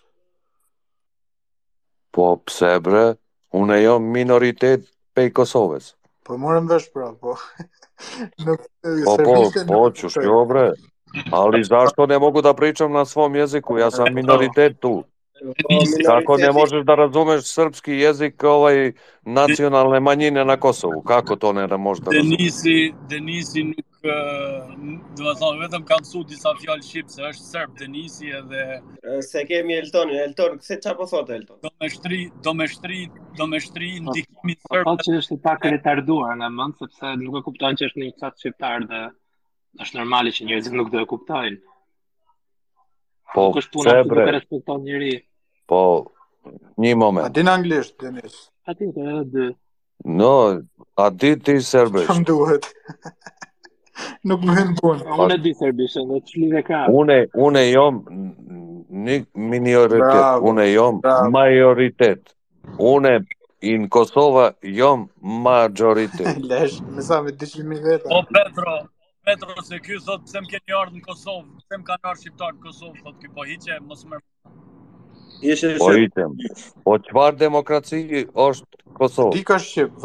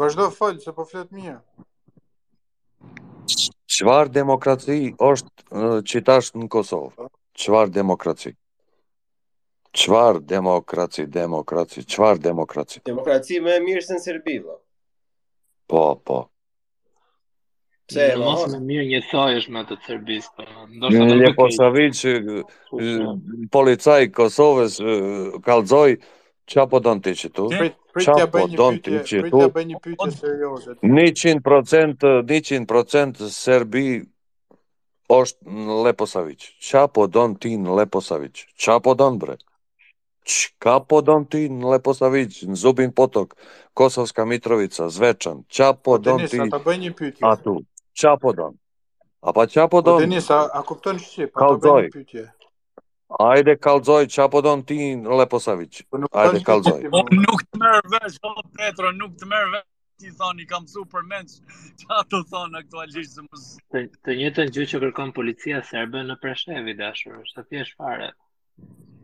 Të njëjtën gjë që kërkon policia serbe në Preshevë është të njëjtën gjë kërkonte policia kosovare në, në Leposaviq. 100%, 100%. O, o çuna, Serbia. kupton. Po çka po don ti Leposaviç bre? Çka po don? Po, çka po don ti? Çka po don? Çka po do ti në Kosovë? Kallzoj bre, çka po çka është Deçani? Çka është Peçka Patriarshia? Çka çka po bon unë në Kosovë?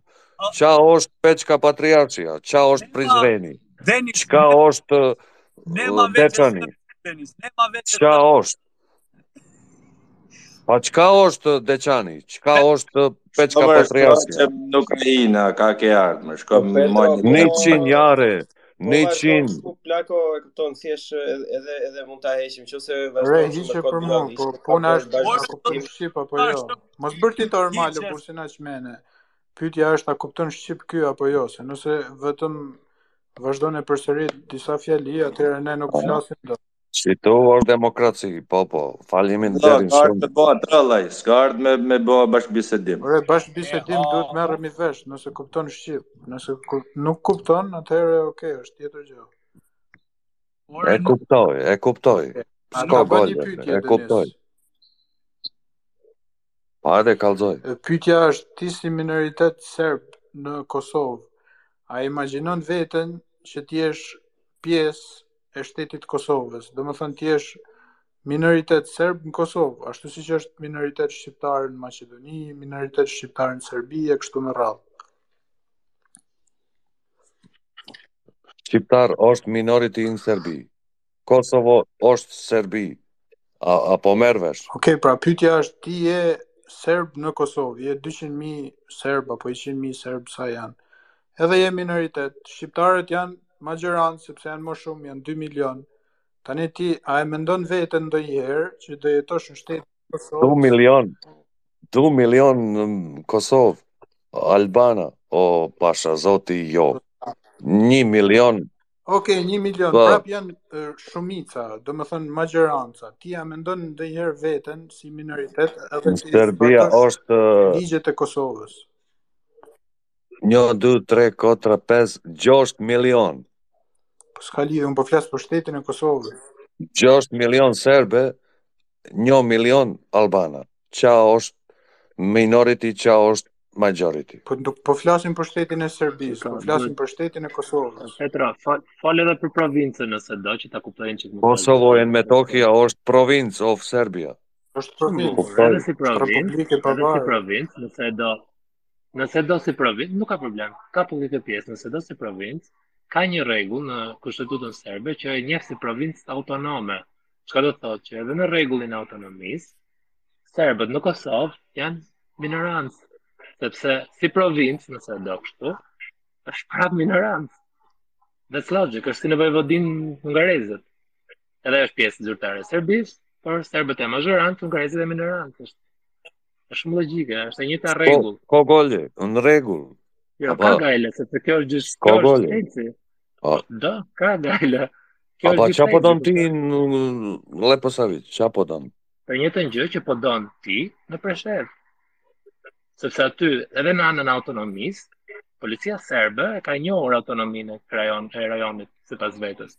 Do të thotë që policia e Kosovës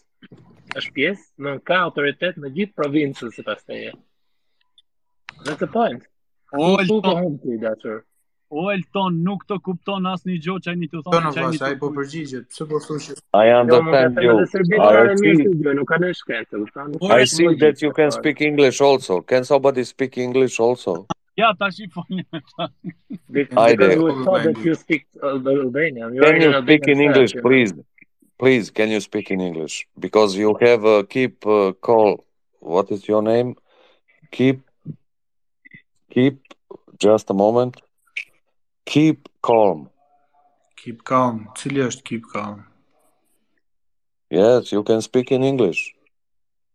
Uh, Eltoni, Eltoni. Ah, Every, it's very stupid from your side, to be honest, because you're in an Albanian chat now. And that's really a bit. Uh, we are not going to speak in English for you because this rule is actually for Albanian. So if you can speak Albanian, just stay in this chat. If not, you can get out of it and then join a Serbian chat where you can speak but about. Uh, can you, have to... tolerance? Can you he- be free I, and speak English? It's I... not problem. Yeah, but me. you joined us speaking Albanian and actually attacking us somehow with that. And I was just saying to you that in, in the same way as the Kosovo, uh, the Kosovo police goes to Leposevic, in the same way the Serbian police goes to Preševo, where Albanians are majority.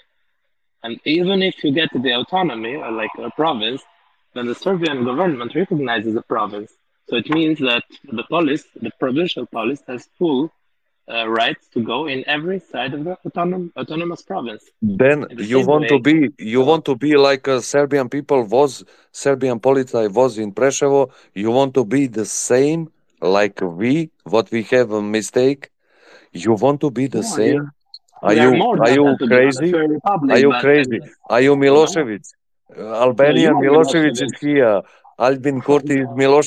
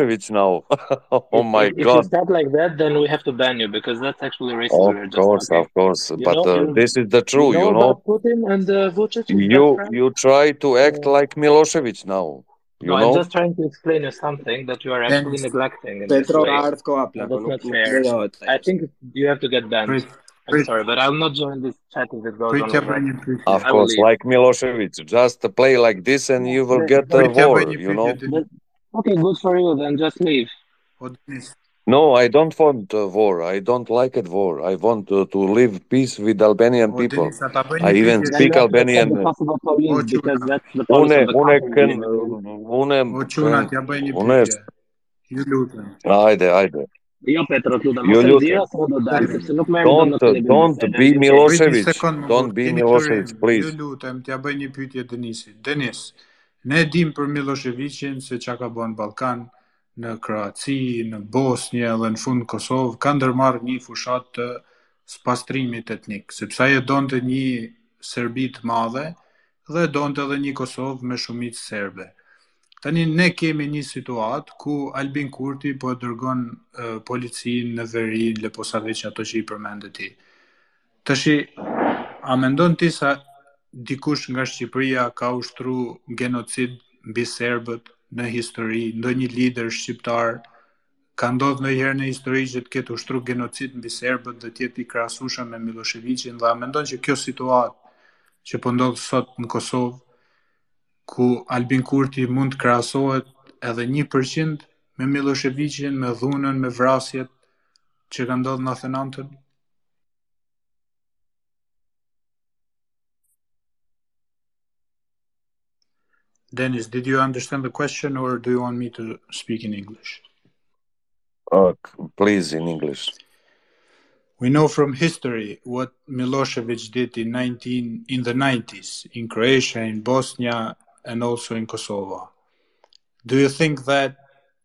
has ever existed in history an Albanian leader that did to Serbs that uh, committed genocide, uh, pre-planned genocide against Serbs?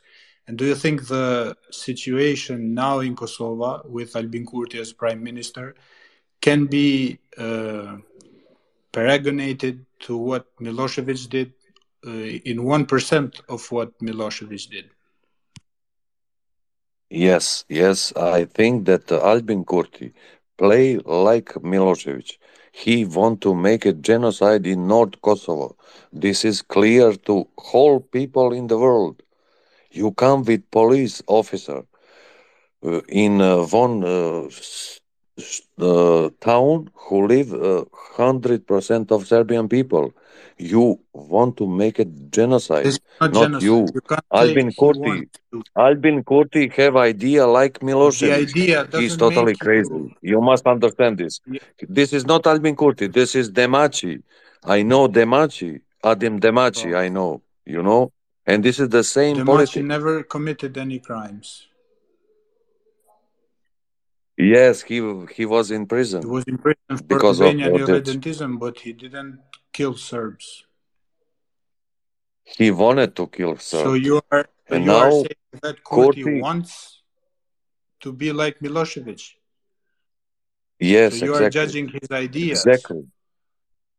Yes, his idea is to be like Milosevic, what did in Preševo, in a uh, lot of. Uh, uh, town in Kosovo. How can you judge now, someone? Al- Albin Kurti, the same stuff he do like Milosevic. This can is the wrong way of idea. He never things. expressed this that we want to kill Serbs or get them out of Kosovo or what else. How can you be a judge over someone's uh, projected ideas? But you see that Albin Kurti sent police and arrested the innocent people in uh, Lune, North uh, Kosovo. Uh, Lune was not innocent. He was a guy who attacked KFOR and uh, Kosovo police. He wasn't an innocent guy. He, he didn't attack any Albanian people. He attacked uh, uh international. Yes, uh, but he's not an innocent guy.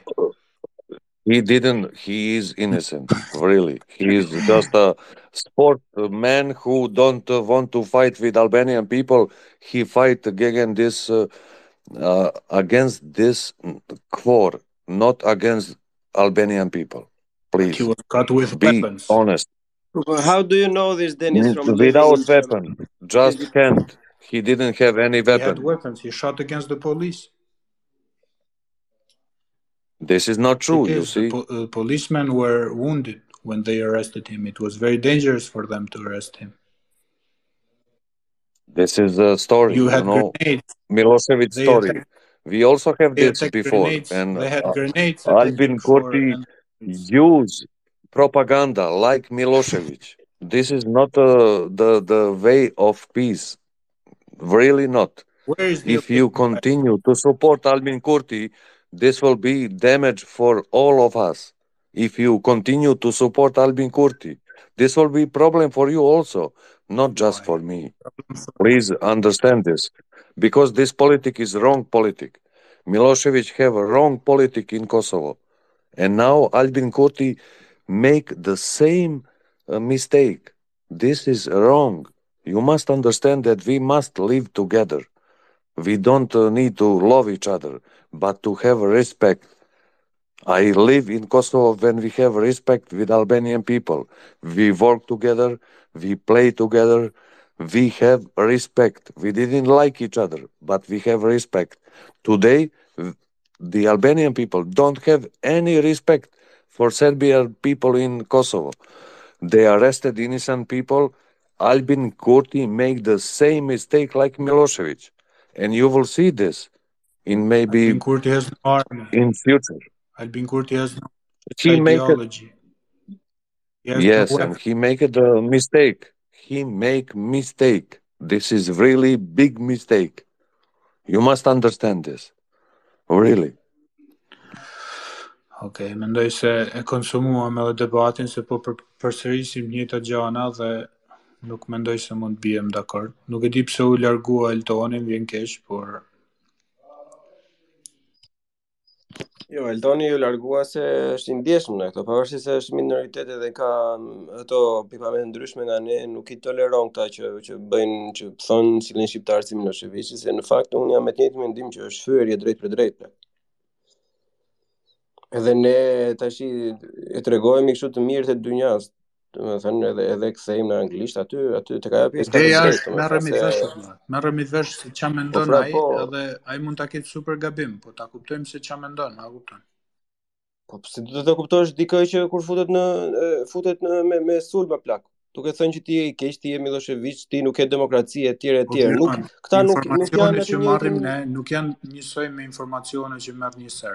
Një serb bombardohet me propagandë dhe mendon obobo Albin Kurti do bëjë genocid do na vrasi neve. Kështu që edhe unë jam kurioz me dit se ça mendojnë ata. Për shembull ky thotë Albin Kurti e ka në mendje atë që kishte Millosheviqi. Domethënë po e gjykon Albin Kurtin se ça ka në mendje me fantazi. Dhe prandaj është e rëndësishme me të shkëputjen. Dakord, unë besoj se kjo është kurth. Po kjo mendoj është kurth plak sepse qoftë se ta thotë ashtu normalisht ti nuk do që ta afiliosh atë dhe normalisht do të thotë që do të do të bëj të të të të ta vësh në dyshim që të thosh që ore dale pse mendoka kështu pse mendoka ashtu. Mendoj se kjo është thjesht kurth debati. Mendimet e mia nuk i ndryshoj. Mirë, pra, mirë, po tjetri tjetri, e ke parasysh. Është shumë ofendim plako, në qoftë se jo ky, apo kushdo tjetër sado propagandë të kenë konsumuar. Ata e dinë shumë mirë gjendjen e tensionuar. Tashi sa herë je futur ti edhe ke folur shqip diku edhe të ka zgjatur ndenja në atë space më shumë se sa një sekond. Më thuaj. Po mo jam dakord një gjuhë do e gjejmë që të merremi vesh, unë serbisht nuk di. Po pra po. Po edhe reciprociteti është gjuha e vetme me këta, se ja e shikon ku çon toleranca për shembull. S'ka ça na ban ne ajo, Blend, se nuk është se do na ndrrojë mendjen gjithë shqiptarëve një serb. Le ta shprehë dhe të në të e rëmë në... është një lloj dëmi kur tani të thotë po sillet si Miloševiçi, domethënë nuk e di, mbështetës më i madh këtë çati i Albin Kurtit. Thjesht dua ta di se ç'a mendojnë ata dhe pse mendojnë kështu dhe a mendojnë ndonjëherë që t'i nënshtrohen Republikës së Kosovës, sepse nëse ata kurrë nuk do e mendojnë Republikën e Kosovës si të pavarur dhe nëse ata vazhdojnë e mendojnë se ne jemi mazhorancë dhe shqiptarët janë minorancë në Kosovë, atëherë unë nuk shoh paqe. Po, po ta tha fjalinë e parë të thatë. Po pra, po duhet të flas, çfarë problemi ka? Jo, jo, s'ka asnjë problem, thjesht nuk e di. Duket sikur po po ulemi tash t'i t'i marrim mendimin e një personi të tretë që as vullnetin nuk e kishte në fillim për t'u marrë vesh dhe filloi në atë gjuhën e vet. E ke parasysh, është thjesht thjesht çështje reciprociteti. Ku ka mungesë respekti që në fillim nejse, për ta hapim bisedën apo apo e konsumuam. Po t'i japim fjalën Arbrit.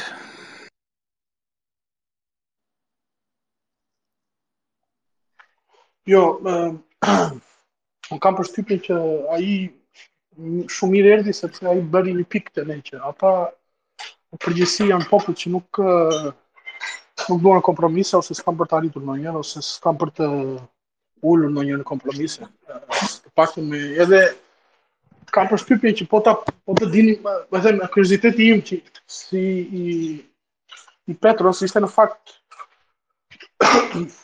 po mbase s'u kuptuam mirë tamam ishte pyetje e duhur për t'u bërë që ti pse s'do pranohet të jetojë në në Kosovë ndërkohë që të drejtat ose liritë, si themi, do t'i kishte më se të garantuara. Edhe kam përshtypjen e Toni tha shumë mirë që edhe në në atë politikën e autonomisë si të rrinë Kosova, ata do ishin nën, nën të njëjtin po themi nën të njëjtin ndikim. Po, Dhe kjo tregon fiks që problemi nuk është politik shumë në Serbi, ose në mënyrën se si ata drejtojnë, se sa është në mendësinë e popullit. është pak a shumë si çështja e Japonisë, që sku, s'kërkoi kurrë falje për atë luftën e dytë botërore që ca krime shumë u bënë dhe nuk u përmendën asnjëherë dhe e njëjta gjë është dhe këtu pastaj që Serbia të njëjtat probleme nuk do të jetoj, nuk do të jetoj me me me me, me shqiptarët. Mbase një pjesë e serbëve të Kosovës ose po si po t'i pyesësh të gjithë do thonë jam dakord. Nuk e di, po propaganda ose njerëzit që vijnë e flasin, njerëzit që shprehen më shumë janë njerëz që nuk e duan ata, nuk janë të gatshëm të bëjnë këtë bashkëjetesë. Kështu që ky është një ndikim më i madh për një ndikim i madh, po një problem më i madh, sepse Albin Kurti do të detyrohet të vijë në tavolinë me njerëz që nuk duan të dëgjojnë nga ana tjetër se çfarë se ai çfarë pretendon të thotë. Dhe vetëm në nëntëdhjetë e nëntën, dymijëshin bombat e Amerikës dhe Anglisë i bënë të kuptonin arsye dhe kësaj radhe nuk e di, kësaj radhe nëse nuk besoj të ketë kësaj radhe kërcënim me bomba, kështu që nuk e di kjo bashkëbisedimi si do të ulen në tavolinë ata ça ça ça mund të Pak të problemi Arbër është se nëse këta nëse këta mendojnë që kurrë nuk do, ke pak zhurmë, të lutem bëje mute. Problemi është se nëse serbët kurrë nuk e mendojnë që do integrohen në shtetin e Kosovës dhe kurrë nuk e mendojnë se mund të kenë mund të jetojnë si minoritet në një shtet tjetër ku maxhoranca janë shqiptarët, atëherë nuk e di se për çfarë dialogu mund të flasim dhe nuk e di se mbi ç'baza mund të ngrihet ky dialog. Sepse ai po thoshte ça don Shqipëria ajo policia shqiptare në Leposaviq ku janë shumica serbë. Pra dialogu për të cilin ne flasim duhet të bëhet ose me Vuçiqin direkt që i kontrollon këta, ose thjesht t'i nënshtrojnë, domethënë të futet policia dhe KFOR-i, mos t'i mos t'i lejojnë të bëjnë trazira, edhe të rrinë urtë ashtu si të gjitha minoritetet në të gjitha vendet e botës. Por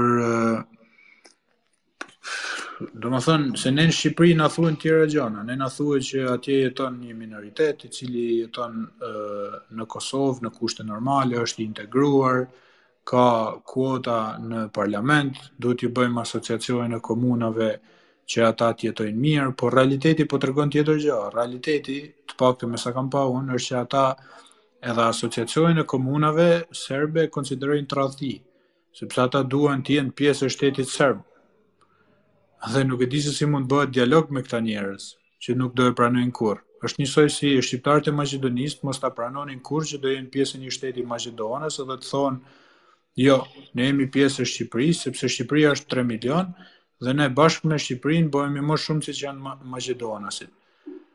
Domethënë, mbi këto baza, unë mendoj se unë mendoj se akoma më shumë Albin Kurti ka të drejtë, kur thotë që politika serbe është fashiste dhe politika serbe po i nxit ata që të bëjnë kryengritje.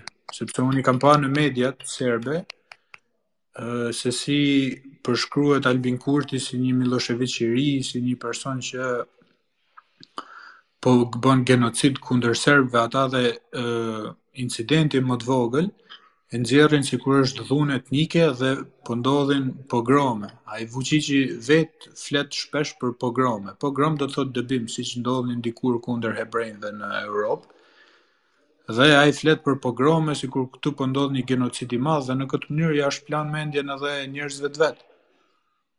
Dhe diçka tjetër që mua më bën shumë përshtypje është që kjo fjalia e parë që e tha ky Denisi apo si e kishte emrin, që e krahasoi me Millosheviqin, më përputhet me ato që thotë Mero Baze, lutem Leon bëje mute.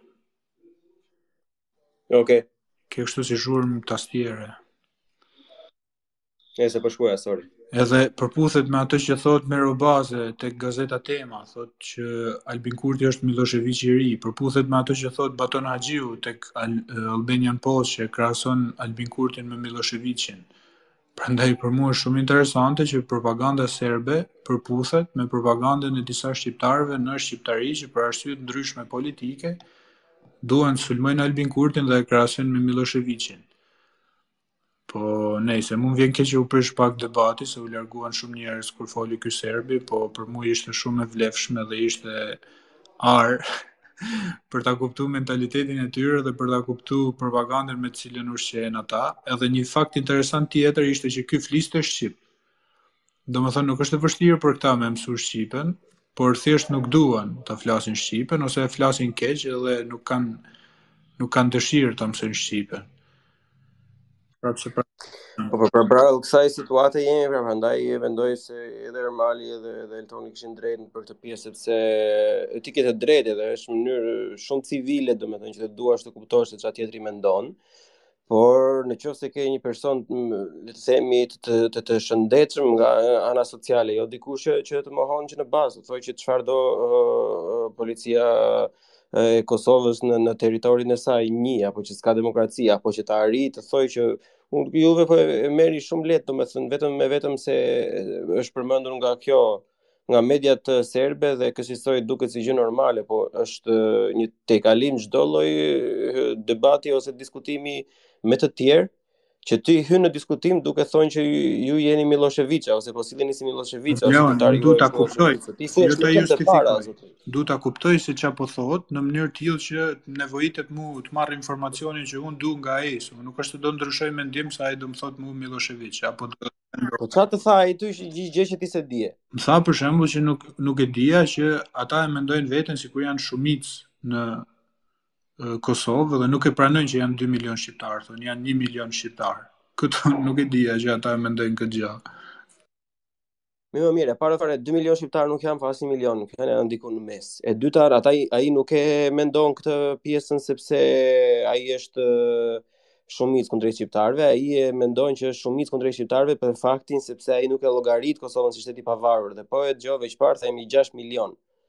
Sepse ai llogarit Serbin komplet nuk po të nuk, matematika nuk është në territorin e Kosovës, është në territorin e Serbisë. Po nëse ai llogarit sipas mendjes dialogu me serbët duhet të bëhet ndryshe, jo në kushtet që ata duan të integrohen dhe po i pengon Albin Kurti, po në kushtet ku ata e refuzojnë shtetin e Kosovës dhe ata duhet më së pari të mësojnë të integrohen dhe të jetojnë si minoritet në Kosovë, pastaj sepse i gjithë shteti i Kosovës është nis mbi premisën që këtu ka serbë, ka dhe shqiptarë, të bëjmë një flamur me gjashtë yje, t'i japim secilit gjuhën dhe drejtat e veta dhe këta ndihen pjesë e komunitetit dhe nëse ata nuk ndihen pjesë e komunitetit dhe pas gjithë tyre drejtave që janë dhënë, Atëherë do të thotë se projekti evropian dhe amerikan ka dështuar dhe duhet një projekt i ri që t'ia japë sovranitetin. Po për ata po, më, po nuk ka diskutim fare kjo more i dashur. Nuk ka diskutim fare se ai kur thotë se jemi tjetër gjë.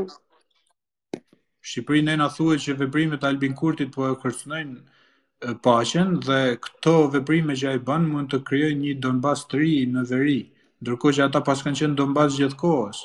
Ndërkohë që Vuçiçi i paska nxit që të bëhen Donbas sepse i ka mashtruar me propagandë. Jo, se s'është Vuçiçi drejtpërdrejt për t'u akuzuar, është gjithë politika, doktrina serbe, vëlla. Ore, mos i bëni tani sikur edhe ne Edi Ramën ne e kemi nxjerrë, nuk na e dha njeri.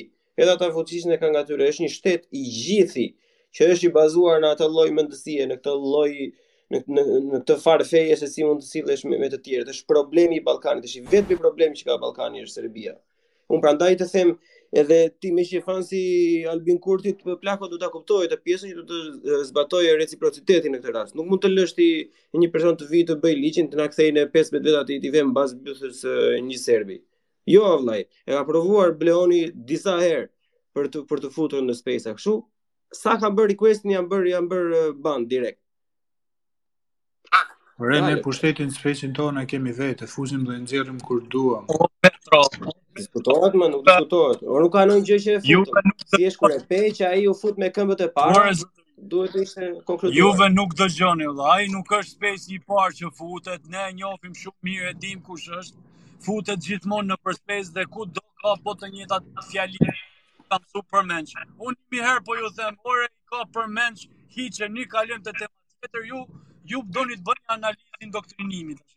Ore, ne e njohim ata, ai futet kudo nëpër spesa dhe nxjerrin se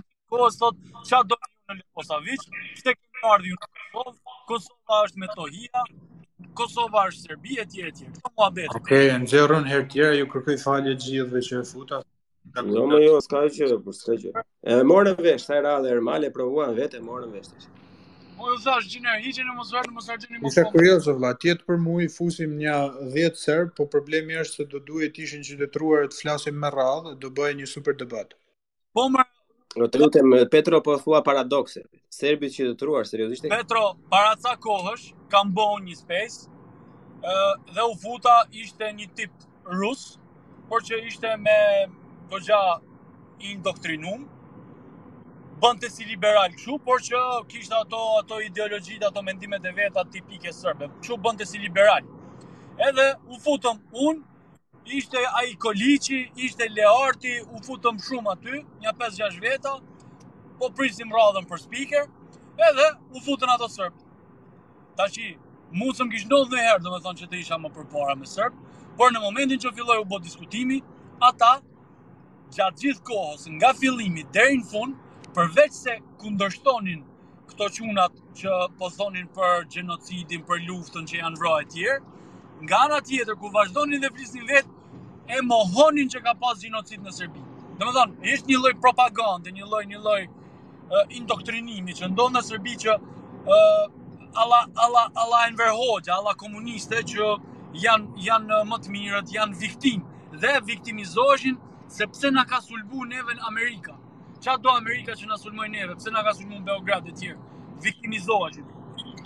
Dhe aty jam habitu, domethënë, edhe, edhe arritën në atë pikë saqë e nxorën Koliçin nga spesi, e nxorën Leartin nga spesi, se nuk po i duronin dot më kur po u flo, po, se u flitshin me fakta, ato, ato janë kosovarë vetë, po e dinë ato situatën o s'e din njeri. Edhe në një moment, në fund fare, edhe mu mu desh që të thoja edhe unë llafin e fundit e me dalë se s'kishte mo sens, se ishte një super indoktrinim aty. Një super... Fal, fal, po kur ky thotë që Albin Kurti është si Milosheviqi, atëherë ky e din shumë mirë se ça ka bërë Milosheviqi. Ore zot, at, ore zotri, ai thoshte Serbia nuk është mo siç ka qenë më përpara. Ne kemi avion, ne kemi këtë, ne kemi atë, ne kemi kundërajror. Po po fliste domethënë që nesër nuk e kemi problem me hyrë. Atë lloj me ai po. E kupton ti? Edhe vu varë vetëm u thashë që unë ata shau. Ju vetë Kosova aktualisht është e pavarur, ka kushtetutë, ka president, ka kryeministër, e gjithë kjo biseda që po bëjmë ne këtu është thjesht pa sens, pa hipotezë, po më nxorën edhe mua aty pastaj edhe shnet. Falemnderit, po atëherë për çfarë dialogu po na flasin edhe Ballkan të hapur me njerëz me mendime të tilla? Nuk har, jo valla jo, un jam kon gjithmonë kundër Ballkanit të hapur. Ça Ballkan i hapur është vetëm Serbia që përfiton aty. Çka jo, përfiton? Ballkani i hapur është ideja, sepse ne po na shitet ideja sikur do bëhemi pjesë e një rajoni dhe do jetojmë në paqe me njëri-tjetrin, por realiteti po e tregon se ajo paqe që ka Edi Rama e Vuçiq nuk përputhet me njerëzit e thjeshtë. Qoftë se njerëzit e thjeshtë paskan këto mendime që ne do futemi në Kosovë, atëherë si mund të krijojmë paqe në këto kushte? Do të thonë për këto paqe ata minimalisht duhet ta pranojnë ekzistencën e shtetit të Kosovës dhe duhet të ndërtojnë një marrëdhënie me shqiptarët, se si tha ky, ne nuk e donim, ne nuk e duam njëri-tjetrin, tha, po të paktën ta respektojmë. Si mund të jetojmë në një komunitet ku secili do me e nxjerrë thikën natën edhe me i pre fytin tjetrit? Ore, zotri, po edhe ti dhe, edhe mund të mos e nxjerrësh thikën, po nuk mund të jetosh me një komunitet që janë hala të fresta plagët e luftës, o plak. Janë hala njerëzit që kanë humb njerëzit e s'e dinë ku i kanë. Harroje ti nuk nuk mund të bëhet diçka e tillë domethënë. Ai Kroacia ka gjitha gjitha gjithë gjithë atë vijë bregdetare, Mali i Zi gjithë atë vijë bregdetare, Shqipëria gjithë atë vijë bregdetare. Çka ka Serbia? Ai vetëm leverdi është për Serbinë në Ballkan. Kjo kjo është normalisht edhe shqyr që ra edhe u zbeh edhe uroj mos të ndodhë mo edhe pa u njof Kosova e kështu mos të ketë mo asnjë lloj pavarësisht se këto Europa, Europa normalisht ku e përkëdhel goxha Serbinë. Këto janë hesape të tjera se.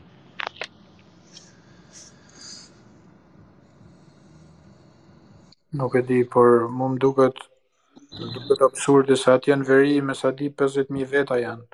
Edhe 50.000 veta që të bëjnë gjithë këtë, ta bëjnë gjithë Kosovën çorap, Më duket kështu si e pamundur dhe më duket thjesht nga fakti që i përkëdhelin ndërkombëtarët dhe sidomos amerikanët janë kthyer shumë në anën proserbe kohët e fundit, idenë që Nuk e do një Rusi të vogël në Ballkan. Nuk e do. me idenë që do e bëjmë Serbinë, do e kthejmë nga vetja. Po nuk e di kur do kthehet ky lloj populli nga Amerika dhe ta dojë NATO-n apo nga Bashkimi Evropian. Me sa pashë unë një sondazh, vetëm 34% e serbëve thonin që duam të integrohemi në BE. Ndërkohë që investimet gjermane në Serbi janë, ku di unë, një miliard euro, investimet amerikane po ashtu të larta. Serbia është ka fillu ka hap kapituj edhe me acquis communautaire është më më përpara se Shqipëria. negociatat i ka hap, kështu që po po po Kosova del del si e rrezikume nga lufta, kurse Serbi Serbi nuk del si rrezikuar se Kosova nuk i shpall luftë Serbisë. Edhe normalisht që biznes edhe gjithë biznesi do do zhvendosen nëpër vende ku ku, ku mendohet që janë të qeta. Serbi nuk ka frikë se po e sulmon Kosova. Su, Kosova ka frikë se po e sulmon Serbia. Edhe rrjedhë bizneset do zhvendosen në ne. Po atëherë ne duhet të krijojmë një marrëdhënie tjetër edhe me Europën edhe me Ballkanin. Domethënë duhet të krijojmë një marrëdhënie ku ne të jemi të pavarur, mos të varemi 100% nga Europa, mos presim që Europa të na shtrijë dorën, por të zhvillohemi vetvetiu edhe pastaj gradualisht të integrohemi, sepse nëse kjo rruga e serbëve po funksionon, që këtyre s'i plas fare për Europën, po gjithsesi zhvillohen, ashtu do duhej të bënim edhe ne. Okej, okej, ne s'kemi aleat Rusinë, po për shembull nga Turqia do mund të merrnim fabrika apo zhvillim apo, domethënë e kam te ideja që këta nuk i plas për Europën dhe njëkohësisht marrin më shumë favore, ndërsa ne jemi si sikur i lutemi Europës dhe ata na trajtojnë si njerëz të dorës dytë. Po, na trajtojnë sepse edhe ne si popull e kemi çu veten në atë pikë normalisht. Se po lem, po bëjmë, po bëjmë kërdinë kudo nëpër Europë, nëpër çdo vend të botës. Edhe, prandaj edhe do, do, do, do kesh atë imazhin. Njëlloj, njëlloj me bangladeshasin. Njëlloj, domethënë, në, në Europë, Shqipëria si një bangladeshas.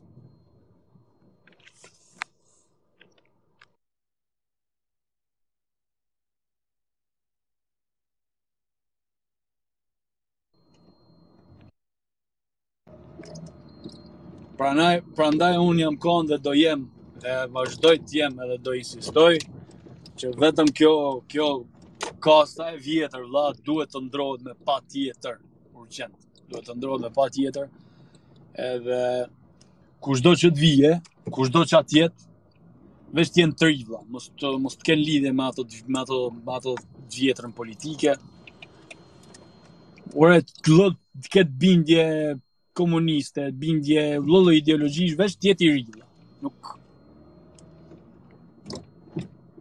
që të paktën të paktën të provojmë diçka të re, u bën, u bën, u bën 30 vite që kemi të njëjtat fytyra, domethënë. Unë ne ne u lindëm e u rritëm me po të njëjtat njerëz në politikë, domethënë. Nuk Pranaj, mendoj se kjo që thua ti është shumë vështirë të ndodhë në këtë pikë, sepse ok, këta të vjetrit Sala, për shambull, mund të largohet nga politika dhe fizikisht një ditë, por për Edi Ramën do jetë shumë e pamundur, se tani po flitet edhe për ndryshime kushtetuse, ku ai mund të marrë edhe mbi mund të marrë edhe 90 deputetë në bashkëpunim edhe me Lulin, edhe mund të bëjë ndryshime kushtetuse që mos T'i rrisë kompetencat presidentit, bëhet nesër president, domethënë mund ta kemi gjithë jetën në pushtet dhe fakti që ai vazhdon është sepse ka mbështetje të fortë ndërkombëtare dhe mbështetja ndërkombëtare një ndër arsyet është Kosova, sepse ai në rastin e Kosovës po sillet komplet si i nënshtruar, edhe po e vendos në cep Kosovën në vend që t'i shtrijë dorën dhe t'i japë një mbështetje kur ata e çojnë policinë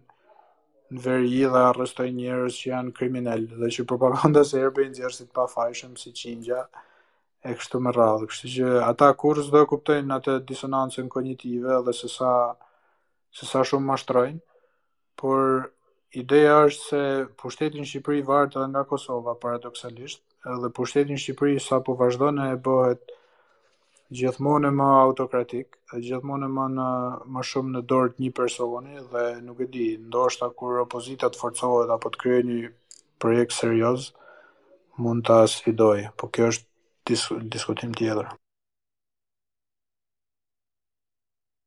Prandaj është me vend shumë ajo memja që ka qenë në qarkullim këto javën e fundit. E ke parë që është janë në avion të gjithë me Ramën, Berisha, Ilir Meta, gjithë bashkë. Që thoshte aksidenti më i duhur i aviacionit do ishte ky. Po dhe aksidenti, domethënë, mirë e kanë, Po edhe aksidenti nuk e di sa probleme do zgjidhte, sepse supozojmë se i heqim ata të katërt nga skena, mund të dalin katër të tjerë që kanë të njëjtat mendime dhe të njëjtën mënyrë veprimi, mund të vijë Monika në vend të Jo, ishin gjithë, ky avion ishte gjithë klasa politike shqiptare, nuk e di se çfarë ishte. Po, edhe tjetra është që mund të ndodhë ajo puna e avionit, po do ndodhë një nga një, për shembull, nëse i merr reforma në drejtësi përpara dhe nëse fillon e arreston politikanë për korrupsion, politikanë të nivelit të lartë, atëherë mund të ndodhë ky skenari i avionit. Po pyetja ime është si do reagojnë shqiptarët, sepse as nuk mund ta imagjinoj që të arrestohet Sali Berisha dhe demokratët të rrinë kështu duar kryq apo të arrestohet Edi Rama, do më duket më duket kështu si Prandaj nuk duhet arrestim, duhet të jetë nga populli. Në çdo vend që ka funksionuar, që është ndruar klasa politike dhe ka funksionuar është vetëm kur ka ardhur ndryshimi dhe heqja e këtyre drejt për drejt nga populli, qofshin këto protesta, qofshin këto rebelime, apo siç ka ndodhur pothuajse në gjithë bllokun lindor, shembulli klasik edhe më i famshëm Rumania. Vetëm ashtu funksionon plak. Duhet të ketë, më fal, duhet të ketë frikë popullin plak. politikani duhet ta ketë frikë popullin që ta kuptojë që fuqia i vjen nga populli dhe populli po ja hoj Cezarin, do të marri edhe do të bëjë ashtu që bën ata atje. Populli nuk është një monolit. Për shembull, në Rumani kanë qenë edhe ushtarakë që po e shihnin se sistemi po bie, ai Çaushesku refuzonte dhe i futën një të vramë. Mund t'i kishte ndodhur dhe Ramizit, por Ramizi ishte ai që po i bënte ndryshime, ndërkohë që disa ushtarakë as nuk i donin ndryshimet fare. Dhe ato që thu ti populli, për shembull, janë ngrit edhe kanë marrë Bastijën në Francë, por ideja është se si do e bëjë populli, se për shembull në Islandë ka ndodhur një revolucion i tillë, si e përmend ti, kanë rrëzuar gjithë kushtetutën, kanë mohuar gjithë borxhin që ishte marrë deri atëherë, kanë kriju kushtetutë të re qytetare dhe komplet parlament të ri. Po ideja është se Islanda janë, nuk e di sa janë, 50.000 veta në total, është vend i vogël dhe në vende si joni, më duket pak si e pamundshme që të ngrihen njerëzit kështu në mënyrë të paorganizuar. Do të them se është e pamundur Petro për arsye se nuk kemi një figurë të pastër, një figurë që ta ndaj. Po mendoj se populli do mund të organizohej nëse do dilte një lëvizje e re dhe do përfaqësonte një numër të madh këtyre njerëzve të cilët e duan ndryshimin, edhe i shkojnë nga mbrapa një lëvizjeje të re dhe kjo ka një projekt konkret edhe për të fituar zgjedhjet, se me thënë të drejtën unë te revolucioni nuk besoj shumë sepse edhe po u ngritën e dolën 20-30 mijë veta në shesh, maksimumi do japi dorëheqjen qeveria, nuk është se do rithemelohet republika, do do bëjmë kushtetut të re. Domethënë do vazhdoj prap në Në kornizën demokratike do shkojnë zgjedhje dhe këta revolucionarët do shihet se sa vota kanë. E di ku është për me e marrin qeverinë. E di ku është problemi im, domethënë ose unë e shoh si gjë që e kishim gabim, domethënë. Ne nuk, domethënë në çdo vend të botës ku kishte komunizëm, uh, liderat kushdo që ishte ato në ato periudha, pjesë e mirë, domethënë u burgosun, Ke rastin e Çausheskut që u vra fare. Domethënë neve kur uh, nuk e bëmë. E burgosën Ramizin. Ramizi ka dalë nga burgu në 97-ën pas trazirave. Sa sa vite ndenji në burg Petro? Aq 93, 97 sa i bie apo 94, 97. Katër vite domethënë iPhone-i, iPhone-i 50 vjet. jetoi si si si më i miri, domethënë dhe ato 50 vjet i lau me me 4 vite burg. Ajo që duhet të them unë është se ne nuk bëm shembull kurrë dikë që ta merrnim, ta t'ia konfiskonim pasurinë, ta dëbonim, a ku di un ta, domethënë ta bënim shembull. një grup politikanësh apo që të kishte një reagim masiv prej popullit. Kurrë nuk e bën këtë gjë, domethënë. Ë thjesht thjesht historikisht, me sa shoh un, historikisht kemi pas këtë këtë ndjesin për të ndjek liderin, edhe m'u budalleps mas liderit. Çado që të thotë ai, vlla, ashtu është. Uh, historikisht një popull injorant. Kjo, kjo më ka bo gjithmonë përshtypje. s'doli dikush që ta bojë shembull, vëlla. Kjo ky ka ka ka vra, ka Normal ke të drejtë për sa i përket kësaj pjesës dhe dhe për ato që them përpara ke të drejtë për pjesën se duhet një figurë e pastër. Ore, tani se mos mos të bëj kështu si i ditur kot, po duhet ta shikojmë edhe në gjithë historinë e njerëzimit, o burrë. Është gjithmonë dikush, është një mesaja i premtuar, është një profet, është një hero, është gjithmonë dikush që njerëzit e shofin si vërtet një alternativë. Edhe kur Petro thotë që nuk besohet në revolucion, bravo, qoftë se, nuk duhet nuk besohet në revolucion kur nuk ka ë dikë në krye. Në të gjitha revolucionet që kanë ndodhur në botë ka pasur gjithmonë një figurë që e ka drejtuar. Ka që ka që ka sakrifikuar ose veten ose integritetin, pastaj edhe e ka kthyer në në përfitim vetjak, po vetëm ashtu mund të funksionojë një lëvizje. Një lëvizje nuk mbijeton dot në qoftë se ti nuk ke një figurë Ke rastin e Albin Kurtit, rasti Albin Kurti. Albin, Albin Kurti backgroundin e kishte i burgosur politik e tjera e tjera, çka kishte bo gjithë ato. Dhe erdhi deri aty sa mori 52% popullit, domethënë, është Problemi është se Kosova ka pas sistem tjetër edhe në Kosovë ka pas administrim ndërkombëtar, kështu që kanë pas më vështirë për për ta bërë çiflik, se për shembull po të mos ishin gjykata ndërkombëtare, policia ndërkombëtare, do kishte qenë shumë lehtë për Hashimin e për Ramushin e për këta të fortit që t'i blinin votat, t'i kërcënonin njerëzit, t'ju venin armën te koka si ka ndodhur në Shqipëri dhe ta mbanin sistemin ashtu siç është. Shqipëri kemi qenë më të pavarur dhe kemi përfunduar tek sistemi Berisha Rama, Meta, Problemi tjetër me këtë mesianizmin është se akoma disa njerëz e shohin prapë edhe mas tridhjetë vjetësh Sali Berishën si shpëtimtarin dhe si Mesia që na solli demokracinë, dhe nuk e kuptojnë se demokracia ka qenë një Domethënë ardhja e demokracisë ishte edhe një kërkesë historike po dhe e popullit, edhe populli vetë e ndërton demokracinë, nuk është se ta jep Sali Berisha, nuk është se e ka shpik ai në një laborator edhe ta dha ty si dhuratë. Edhe duhet të përfshihen ditë pas dite të gjithë për ta ndërtuar demokracinë, nuk nuk të vjen nga lart. Po problemi është se shumica e popullit nuk kupton, për shembull, ato studimet i nxirrnin 15 vjeçarë, 60% ishin analfabetë funksionalë. Domethënë e lexojnë një tekst, për ta lexuar lexojnë kështu si fjalë, si fjalë, si shkronja, por nuk janë të aftë të nxjerrin kuptimin. Llogarite këta njerëz informohen vetëm me televizor, vetëm me pamje dhe duke dëgju se duke lexu as nuk bëhet llaf. Edhe llogarite se çfarë niveli mund të kenë këta apo çfarë mendimi kritik mund të kenë këta.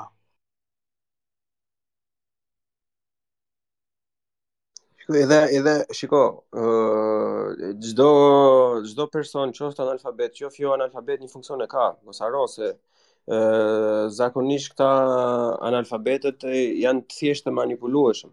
Edhe kur janë thjesht të manipulueshëm, ne gjithmonë ne marrim anën e keqe, themi, o, bo, do vi një Sali Berisha, o, bo, bo, do vi një Edi Rama dhe do i marri këta mbas vete. Jo, po të kesh ato që tha Armali, të kesh një figurë të pastër, që të ketë dhe aftësin e, e manipulimit e, për mirë, normalisht edhe këta që janë analfabetë, vetëm ata që, edhe këta që informohen nga televizori, do hidhen nga ana e të themi e duhur ose ato që aspirojmë ne, se të flasim kështu e duhur si duket sikur i pret me thikë, kupton? Por unë me shif sipas meje, le të jetë more vëlla, le të jetë manipulativ, le të jetë uh, uh, populist. Domethënë derisa të vijë në atë gradë, në atë pikë që duhet të jetë ose të ngjitet lart, le të jetë. Por kjo gjë në fund të shfrytëzohet për mirë. të shfrytëzohet për popullin, shfrytëzohet që që vendi të ngrihet, më le të ketë të gjitha këto populist, të gjitha. Por që të jetë në në aspektin Edhe Rama ka qenë populist, mos harro, edhe Rama. Po pra, dakord jam. Dakord jam. Dakord jam, po po u përdor, u përdor për ta privatizuar Shqipërinë. Nuk u përdor për për të mirën e Shqipërisë.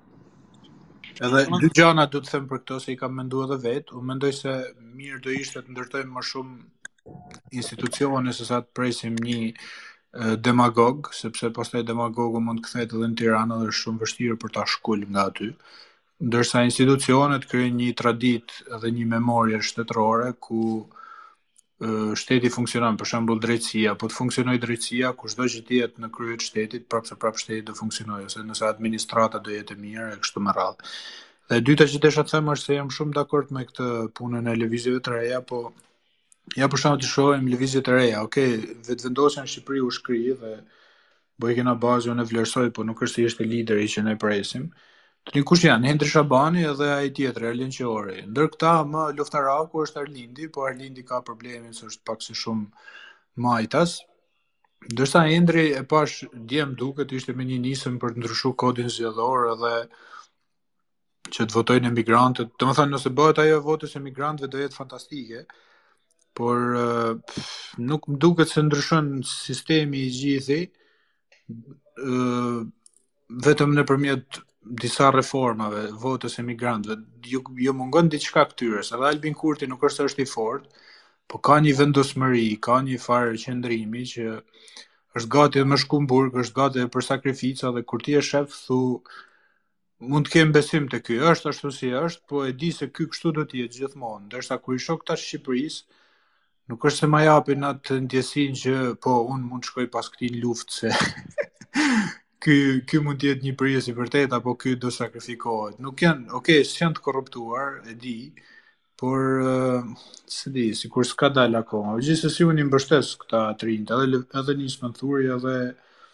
Lëvizjen Bashkë, edhe pse nuk jam dakord në shumë pika, por mendoj se duhet zgjeru pak ajo baza e përfaqësimit, edhe të ketë parti të vogla, mos të jenë vetëm Mediu me Agron Dukën, të jenë ca parti të shkojnë 5-10% edhe dalëngadalë edhe mund të rriten. Unë po shikoja për shembull Maqedoni, Maqedonia kishte një parti që quhej E Majta, edhe merrte diku 5%, edhe kishin koncepte të ambientalizmit, ishin parti tipike e majtë, edhe po thoja pse jemi ne kaq të prapambetur, pse s'kemi ne një parti të majtë, një Syriza, një Podemos të Spanjës, le të jetë ajo për ta për ta përfaqësuar një shtresë popullsisë, se për, kur ka revolta, njerëzit shkojnë o te e majta ose shkojnë tek e djathta fashiste. Nëse e keni vënë re, sa herë ndodhin ngjarje kështu tronditëse në Greqi, ka qenë rrit Syriza nga një anë edhe Agimi i Artë në anën tjetër. Në Francë tani u rrit Melenshoni, u rrit edhe Le Pen në anën tjetër dhe ishte Macroni në mes, si ai i qendrës ose i qendrës djathtë. Pra, Këtë po, revolta, revoltën do e kapi o një populist i majtë, o një populist i djathtë. Kështu që në këtë parti të burë. Një ndërhyrje këtu te kjo, uh, siç ta thashë edhe më përpara, që ne kemi këtë kultin e liderit, edhe unë nëpër botë, unë jam dakord me ty që këta njerëzit ndjekin, ndjekin ideologi e majtë e djathtë të paktën ca janë nga mesja, jam shumë dakord, por që në Shqipëri nuk ecën njeri me ideologji, ideologjia e majtë apo ideologjia e djathtë. Në Shqipëri është, është figura, vla, është emri, politikani, nuk, nuk, njeri, nuk ndjek njeri uh, ideologjia e majtë është e fokusu me këtu, këtu, këtu, këtu, kjo më pëlqen dhe do të mbështes këtë ideologji, apo e djathta këtu, këtu. Jo, vla, jo, ne, ne kemi emra, kemi figura, nuk, nuk ndjekim ideologji, kjo është problematika jonë. Po problemi tjetër është se duke ndjekë emra, këta mund të bëhen si ta ndjejnë veten si mbret kështu si si fisnik edhe vijmë prap tek po- mentaliteti i të fortit, se është një i fortë, ka një ka ca njerëz bodyguard me vete, edhe fillon po- ai hajde ta ndjekim, edhe është Po kjo është po ta falem o Petro, ja, më thuj cili ishte deri më sot, përveç Enver Hoxhës, kë ke pas tjetër ti, tre mandate në pushtet. Kush ka qenë tjetër? Është ai i Maliqit ka 7 mandate, sa ka ai. Ora, jo, jo, ministër, o, ke, ke gjithë popullin, le atë, se ai është fundi, fundi i zinxhirit, ai. Mund të them një mendim ndryshe, Petro? Po po tjetër, po tjetër, jepi vlasë. Jo, se ju po thoni figura të pastra, unë se në fakt neve s'na duhet një politikan i pastër, se ne i kemi parë, i pastër ishte Sali Berisha kur mori pushtetin, doktor i nderuar, pa Pa vese Edi Rama kur erdhi nga Parisi i pastër ishte se supozohej artist, me thën Clean Slate si e thonë këta, i pastër Erion Veliaj, ne na duhet një politikan me vese, na duhet më një që është kumarxhi, që pi, jo, jo, ku diu, që ta ketë që ta ketë që ta ketë mendjen tek to dhe të mos ta ketë mendjen të marrë pushtet sa më shumë, se me këta të pastrit dhe provuar shkolla e fatosit të erdhi. Nuk ishte po, jo shkolla e sen, edhe ai pati ca nuk vati deri në fund, po të paktën dorëheqjen e dha dhe iku u zhduk. Ta them edhe një fjalë për Shqipërinë çuna, se po mendoja, po mendoja, po lexoja diku një artikull për Tajlandën, nuk e di ku m', ku m' doli përpara, me thën të drejtën, po duke bë scroll në Facebook. Edhe po thoshte që Tajlanda kishte qenë nën pushtetin e këtyre ushtarakëve në vitet 80, edhe kishin filluar pastaj duke u fut këta, domethënë kur u zhvillu ekonomia, po futeshin këta bosat lokal të mafjes, po futeshin edhe këta në politikë edhe zgjidheshin vetë deputet ose dërgonin një person të vetin deputet edhe u kriju një konflikt ndërmjet bosave lokal të mafjes edhe bosave të kryeqytetit Bangkoku që ishin më shumë biznesmen se bosa mafje edhe pse nuk kuptohet tamam po ata që merrnin tendera ata që merrnin investime nga qeveria për të bërë rrugë Edhe filloi një konflikt ndërmjet këtyre dhe ata të biznesit që ishin në kryeqytet, filluan edhe nxorrën ca skandale, filluan duke i godit këta të mafies, filluan duke i marr pushtet gjithmonë e më shumë ë ushtarakëve derisa Tajlanda pastaj u bë demokraci, iku nga diktatura dhe për ta globalizu pak muhabetin, politika në në të gjithë botën është problematike, sepse gjithmonë më shumë pushtetin po e marrin tregjet. Sepse ti mund të bësh politika në Shqipëri sa duash, po nëse euro bie apo ngrihet apo forcohet, nëse bëhet një luftë në Ukrainë, ti s'e ke në kontroll fare, kështu që mendoj se Shqipëria sot është aty ku kanë qenë shumë vende në vitet 80, një turbo kapitalizmi dhe kur të konsolidohet kjo klasa e biznesmenëve, kur të fillojnë këta të investojnë në industri, kur të hapen vende pune serioze dhe të kemi një industri serioze apo në, ndoshta nëse turizmi vazhdon me këto ritme dhe shumë njerëz pasurohen, bëhet një klasë mesme më e qëndrueshme, atëherë Shqipëria do vetvetiu do fillojë të evoluohet, si, si ka ndodhë në Greqi, si ka ndodhë në vende të tjera. Domethënë, ne jemi, jemi nja 30-40 vite mbrapa. Por nuk është se e kemi të ardhmen të keqe. Unë mendoj se pas 10 viteve apo për, pas 15 viteve, këto muhabete që i bëjmë ne do i duken brezit tjetër, do i duken shumë idiote.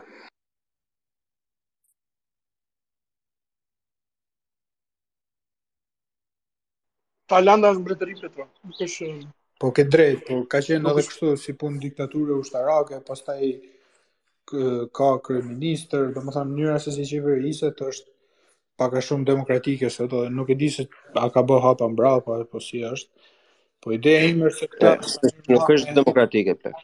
Këta Samir Mane e Kastrati këta që po marrin tendera sot, kanë potencialin nesër për t'u bë ata që e ndryshojnë Shqipërinë, sepse nëse ata marrin më shumë pushtet se politikanët, dhe ne po e shohim se po marrin më shumë pushtet, atëherë do jetë vështirë për politikanët të mbijetojnë, mos mos bëjnë reforma, mos rregullojnë infrastrukturën, mos bëjnë ca ca gjëra bazike. Pastaj përveç shtresës së politikanëve duhet edhe një organizim nga poshtë, duhet edhe duhen ca parti apo lëvizje popullore ose të punëtorëve ose të fshatarëve jo, po të punëtorëve që të ndërmerren reforma sociale. Për shembull kjo e minimumit jetik mu m'duket shumë me vend që e ka ndërmarr Lëvizja Bashkë sepse nëse vendoset minimumi jetik 200.000 lekë Atëherë nuk ka më asnjë ndihmë sociale poshtë dyqind mijë lekëshit dhe i bie që një familje me katër anëtarë që merr ndihmë sociale merr tetëqind mijë lekë në muaj. Nuk janë shumë, po të paktën mund të jetojë me atë. Dhe nëse rrogat rriten ashtu si Rama po e thotë, prapse prap pas dy viteve Niveli ekonomik i, i rrogëtarëve do jetë më i, më i mirë. Kështu që mendoj se janë të dyja, nga një anë zhvillimi kapitalist, nga ana tjetër edhe këto reforma sociale apo lëvizjet sociale nga poshtë.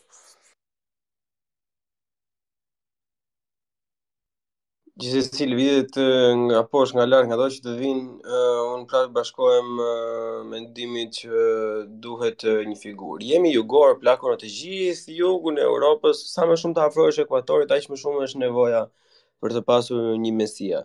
Është është shumë e thjeshtë, është është e kotë ta ta mohojmë.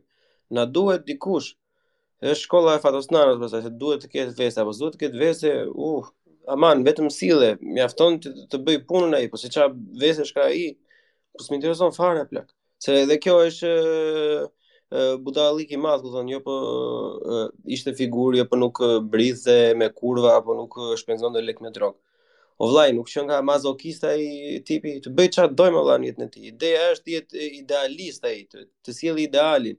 Edhe me këto shembuj që dhe ti që këta uh, oligarkët kanë shansin që, ta, që po t'i dojë bytha ta kthejnë uh, për mirë.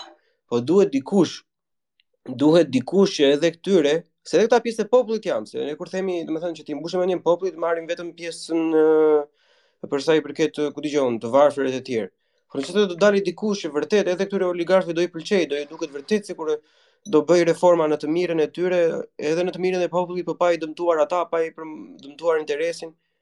Po pse më si është bërë gjithë perëndimi, si është bërë Anglia, si si është bërë Franca, si është bërë Gjermania. Në këtë mënyrë janë bërë më të gjitha, sepse reformat janë bërë në mënyrë të tillë që mos të sulmohet drejtpërdrejt ai korporata e madhe si oligarki edhe si gllabërues, por të thuhet që shefe ju keni mjetet më të mira, keni shfrytëzim më të madh në këtë vend, kështu që automatikisht avash avash çdo 5-6 vite kontributi juaj në shoqëri duhet të ngrihet vëlla. Një ngrihet nga paga, një ngrihet nga sigurimi, pastaj ngrihet nga një gjë tjetër. Pastaj është ajo që kam diskutuar unë te podcasti me atë djalin që bën doktoraturën në Liechtenstein, domethënë që po flitet tash që të bëjnë edhe korporatat e të bëjnë kështu, si thonë vëlla, investime direkte në shoqëri, e kupton? Që jo të bëjë shteti më shkolla, po të bëjë korporata shkolla. ë kampe gjëra për fëmijët, e kupton? Këto këto gjëra të ndryshme mund t'i bëjë vetë korporata kur ka një fabrikë të madhe, është Mercedesi që i ka uh, ato headquarters, uh, zyrat kryesore që i ka në në Stuttgart. Ka ndërtuar si dreqi më vëlla. Ka pjesa e gjithë Mercedes Viertel këtu në në Berlin për shembull, e kanë ndërtuar ata komplet, kanë hapur edhe gjëra të vogla idiote kështu si bare, kanë hapur uh, nga këto si tip uh, vendesh ku ku mblidhen njerëzit, e kanë ndërtuar sepse kanë një farë lloj përgjegjësie sepse besojnë ato si korporata besojnë vetë para se të besoj shteti që kjo gjë i sjell më shumë fitim në afatgjat se sa humbje se po ndërtojnë diçka edhe për tjetrin. Prandaj duhet që edhe këto si entitete që kontrollojnë në mënyrë aktive apo pasive të binden edhe këto që shif se është mirë për të gjithë. Është mirë për të gjithë. se edhe këta avash avash do ja do ja ndjejnë lezetin të kësaj gjëje sepse duan s'duan ata apo duam s'duam ne po kuptohet tepër qartë që në qoftë se këtu nuk ka një ndryshim se si trajtohet punëtori edhe se si janë kushtet e punëtorit edhe se si janë pagat do vi dita shumë shpejt që këta do mbeten pa Se nuk mund të vazhdojë gjithmonë domethënë, apo se do ketë, jo, janë gjithë kështu, do janë servila partie, o, po ka mjaftueshëm njerëz pa bukë, o, po ka mjaftueshëm njerëz që s'i del muaji, s'kam të bëj. Jo, gjithmonë zien tenxherja plak, nuk mund të kjo, nuk mund të vazhdojë asnjëherë në pafundësi. Më, është gjithmonë çështje kohe, po do zoti sa më përpara aq më mirë. Lidhur me këtë tenxherja, desha të them diçka të fundit që ka të bëjë dhe globalizimi, sepse Nëse një person nga Shqipëria mund të porosisë një mall online apo mund të blejë bitcoinsa, ai mund të mendojë edhe apo mund të punojë nga shtëpia si IT, ai mund të mendojë edhe kur unë e çoj kapitalin në vende të huaja pse mos shkoj fizikisht të punoj në vende të huaja. Dhe do ndodhi gjithmonë e më shumë që njerëzit nga Shqipëria do Do emigrojnë, do ikin të punojnë jashtë, fatkeqësisht. Madje unë kam parë që Gjermania po kërkonte punëtorë nga Ballkani Perëndimor dhe nuk e di se sa, po shumë kishte nevojë. Edhe imagjinoj që shumë do e shfrytëzojnë rastin. Po përveç efekteve negative, shpresoj që të ketë edhe efekte pozitive, sepse nëse ka mungesë të fuqisë punëtore, ë shpresoj që pagat të rriten dhe mos ta mos t'i shfrytëzojnë me Bangladesh ose Filipinas. Po t'ua rrisin pagat e para. E dyta shpresoj që këta që ikin, edhe nëse kthehen, po edhe nëse s'kthehen, të injektojnë një farë mentaliteti në Shqipëri që gjërat nuk nuk nuk bën të vazhdojnë ashtu siç janë. Domethënë disa gjëra krejt bazike, për shembull shëndetësia apo rrugët apo ku di un shkolla, të jenë pak më normale, pak më europiane edhe ta fusin edhe mentalitetin, mos sjellin vetëm makina dhe rroba nga perëndimi, po të sjellin edhe mendësi, mënyrë të punuari, mënyrë të menduari, mendje të hapur, e gjitha këto. Po po pra, edhe ke ti shumë të drejt me këtë. Po këta si individ që do bëjnë këto sjellje, këto investime, këto gjëra duhet të binden një herë vet që edhe këta mund të fitojnë. Është çdo gjë marrëdhënie, është çdo gjë transaksion. Nuk të vjen njeri të sjelli ide apo investime pa patur diçka nga vetja e tij. ose pa, më fal, pa pasur një një një përfitim për veten e tij. Është shumë e thjeshtë, është nuk është e padiskutueshme, është e pamohueshme. Edhe sa më përpara të binden këta njerëz të tillë, aq më e, shpejt edhe aq më thjesht do ndodhi e, e gjithë pjesa e le të themi e ripërtëritjes. Ndryshe Petro, se mund të mos nga këta se më kujtove Zamir Manen dhe pak pas atë intervistë që bën para kësaj ditës të opinionit. Mos prit të kenë ndikim këta në në, në shtet për të bërë ndryshime. Unë e kam jo rast personal, po që e njoh shumë mirë, domethënë arsye më shumë një nga arsyet e Zamir Manja nuk e thotë që është bërë me lekë në Shqipëri është që ai mallrat në dogan i zhdoganonte me vlera faturash. Domethënë ai thoshte e kam blerë në Kinë për x lek dhe aq ja njifte dogana. Ndërkohë që doganat shqiptare kanë 20-30 vjet që punojnë me atë që gjënë referencë, që i thotë që ti nuk e blen dot më pak se kaq, se edhe kompanitë e mëdha në Shqipëri lozin me porta jo të barabarta me tjerët. Zamir Manja për Neptunin zhdoganon pa referencë dhe shet kondicionerët do me shumë herë më lirë se i zhdoganon shumë herë më lirë dhe gjithë tjerët pagonin doganën siç thoshte shteti dhe këtë ndikim kanë ata dhe kushdo që të vi të vi PS-ja e kanë bërë me PD e kanë bërë PS me LSI-n kur e mori doganat kushdo që të vi këto klasat e këtyre të pasurve që kemi tani për momentin nuk unë nuk pres asgjë nga ata Ti po më bie dhe bateria, kështu që unë e shoh që po, ke ke drejtë nga një anë, po nga ana tjetër, domethënë Në gjitha vendet e perëndimit, nëse i sheh, biznesmenët thonë mos më pyet si e kam bërë milionin e parë, apo janë biznesmen, për shembull, ka qenë babai i Kenedit apo gjyshi që ishte marrë me kshu, me trafik alkooli kur ka qenë koha e prohibicionizmit, apo këta që dilnin edhe shkonin vendet e Afrikës dhe vidhnin arin apo bënin kolonizatorin, kështu që në një mënyrë apo një tjetër para do futen, do futen edhe para drogës edhe gjitha paratë e mundshme, po ajo që them unë është se do vi një pikë ku si në kohën e revolucionit francez borgjezët do dalin mbi fisnikërinë ose përkthyer në shqip biznesi do dali mbi partinë. Edhe momenti kur të kemi një një shtresë biznesi apo një shtresë njerëzve të cilët janë të pasur në gjendje të mirë ekonomike, nuk kanë nevojë nga partia medoemos për të kriju një jetesë, atëherë sigurisht që edhe gjërat do ndryshojnë automatikisht. Edhe unë shoh për shembull këtë turizmit e shoh pozitive se çdo person që është pronar hoteli nuk është i varfër, është milioner sot. Dhe nëse turizmi vijon e rritet, ekonomia sigurisht që do rritet më shumë dhe do ketë gjithmonë, më falni, gjithmonë më pak njerëz që varen nga politika për me hy në punë. Edhe rritja ekonomike në botë është vërtetuar që kur ka një shtresë të mesme, shtresa e mesme është ajo që ndikon më shumë tek demokracia, sepse nuk ka as interesa shfrytëzuese, as nuk është klasë punëtore që mendon vetëm për se si të mbijetojë. Domethënë shtresa e mesme është ajo që ka kulturën, është ajo që e, si me thënë, ka vlerat e borgjezisë vogël që thuhej dikur mentaliteti mikroborgjez ka vlerat e pronës, vlerat e nacionalizmit dhe shtresa e mesme është ajo që i zhvillon vendet. Për shembull në këto vendet e Afrikës Veriore, paradoksalisht kur filluan zhvillohen ekonomikisht, Filluan edhe revolucionet e mëdha që i ndruan, që i hoqën diktatorët, Ben Ali e kush ishte andej, sepse filluan këta djem të ri të shkolluar që të, të mos jenë dakord me realitetin. Dhe ne këtë e kemi pa pjesërisht me protestën e studentëve, ku studentët bënin meme apo flisin anglisht apo domethënë kishin një kulturë që pushteti as e kuptonte dhe e përdorën atë kulturë për të për ndërmarrë reforma konkrete në fushën e tyre, pra në universitet. Sigurisht që nuk mjaftoi, por unë shpresoj te kjo. Domethënë shpresoj te një, që do ketë gjithmonë më shumë njerëz me më shumë lek në xhep, me më shumë kulturë, me më shumë shkollim dhe me më shumë botëkuptim perëndimor. Ok, Bleon, të japim fjalën edhe Ermalit, pastaj ça do bëjmë? Do e mbyllim, ma thuaj ti. Natën e mirë. Jepja fjalën edhe Ermalit, nëse ka diçka dhe e mbyllim. Jo, më morën telefon edhe u ndërpreva, nuk ju ngjova mirë ka funi. E mirë, në rregull. Mirë pra, ju faleminderit gjithëve që morët pjesë, me të folur edhe edhe dëgjuesit. Faleminderit Petro.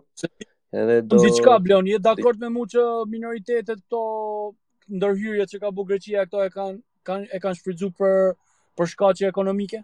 uh, ata kanë shfrytzuar shkaqet ekonomike për gjë për uh, gjeopolitik, po. Okej, okay, në rregull. Saktë. Faleminderit. Po po nuk jam dakord që është gjë e duhur. Por po, unë un, un, edhe unë du paqen në botë, zotri, edhe unë dua ato fëmijë, ato sirianë të mos me qenë lufta apo lindje e mesme. Jo, unë e dua të jenë po, luftë. Po kjo është situata aktuale.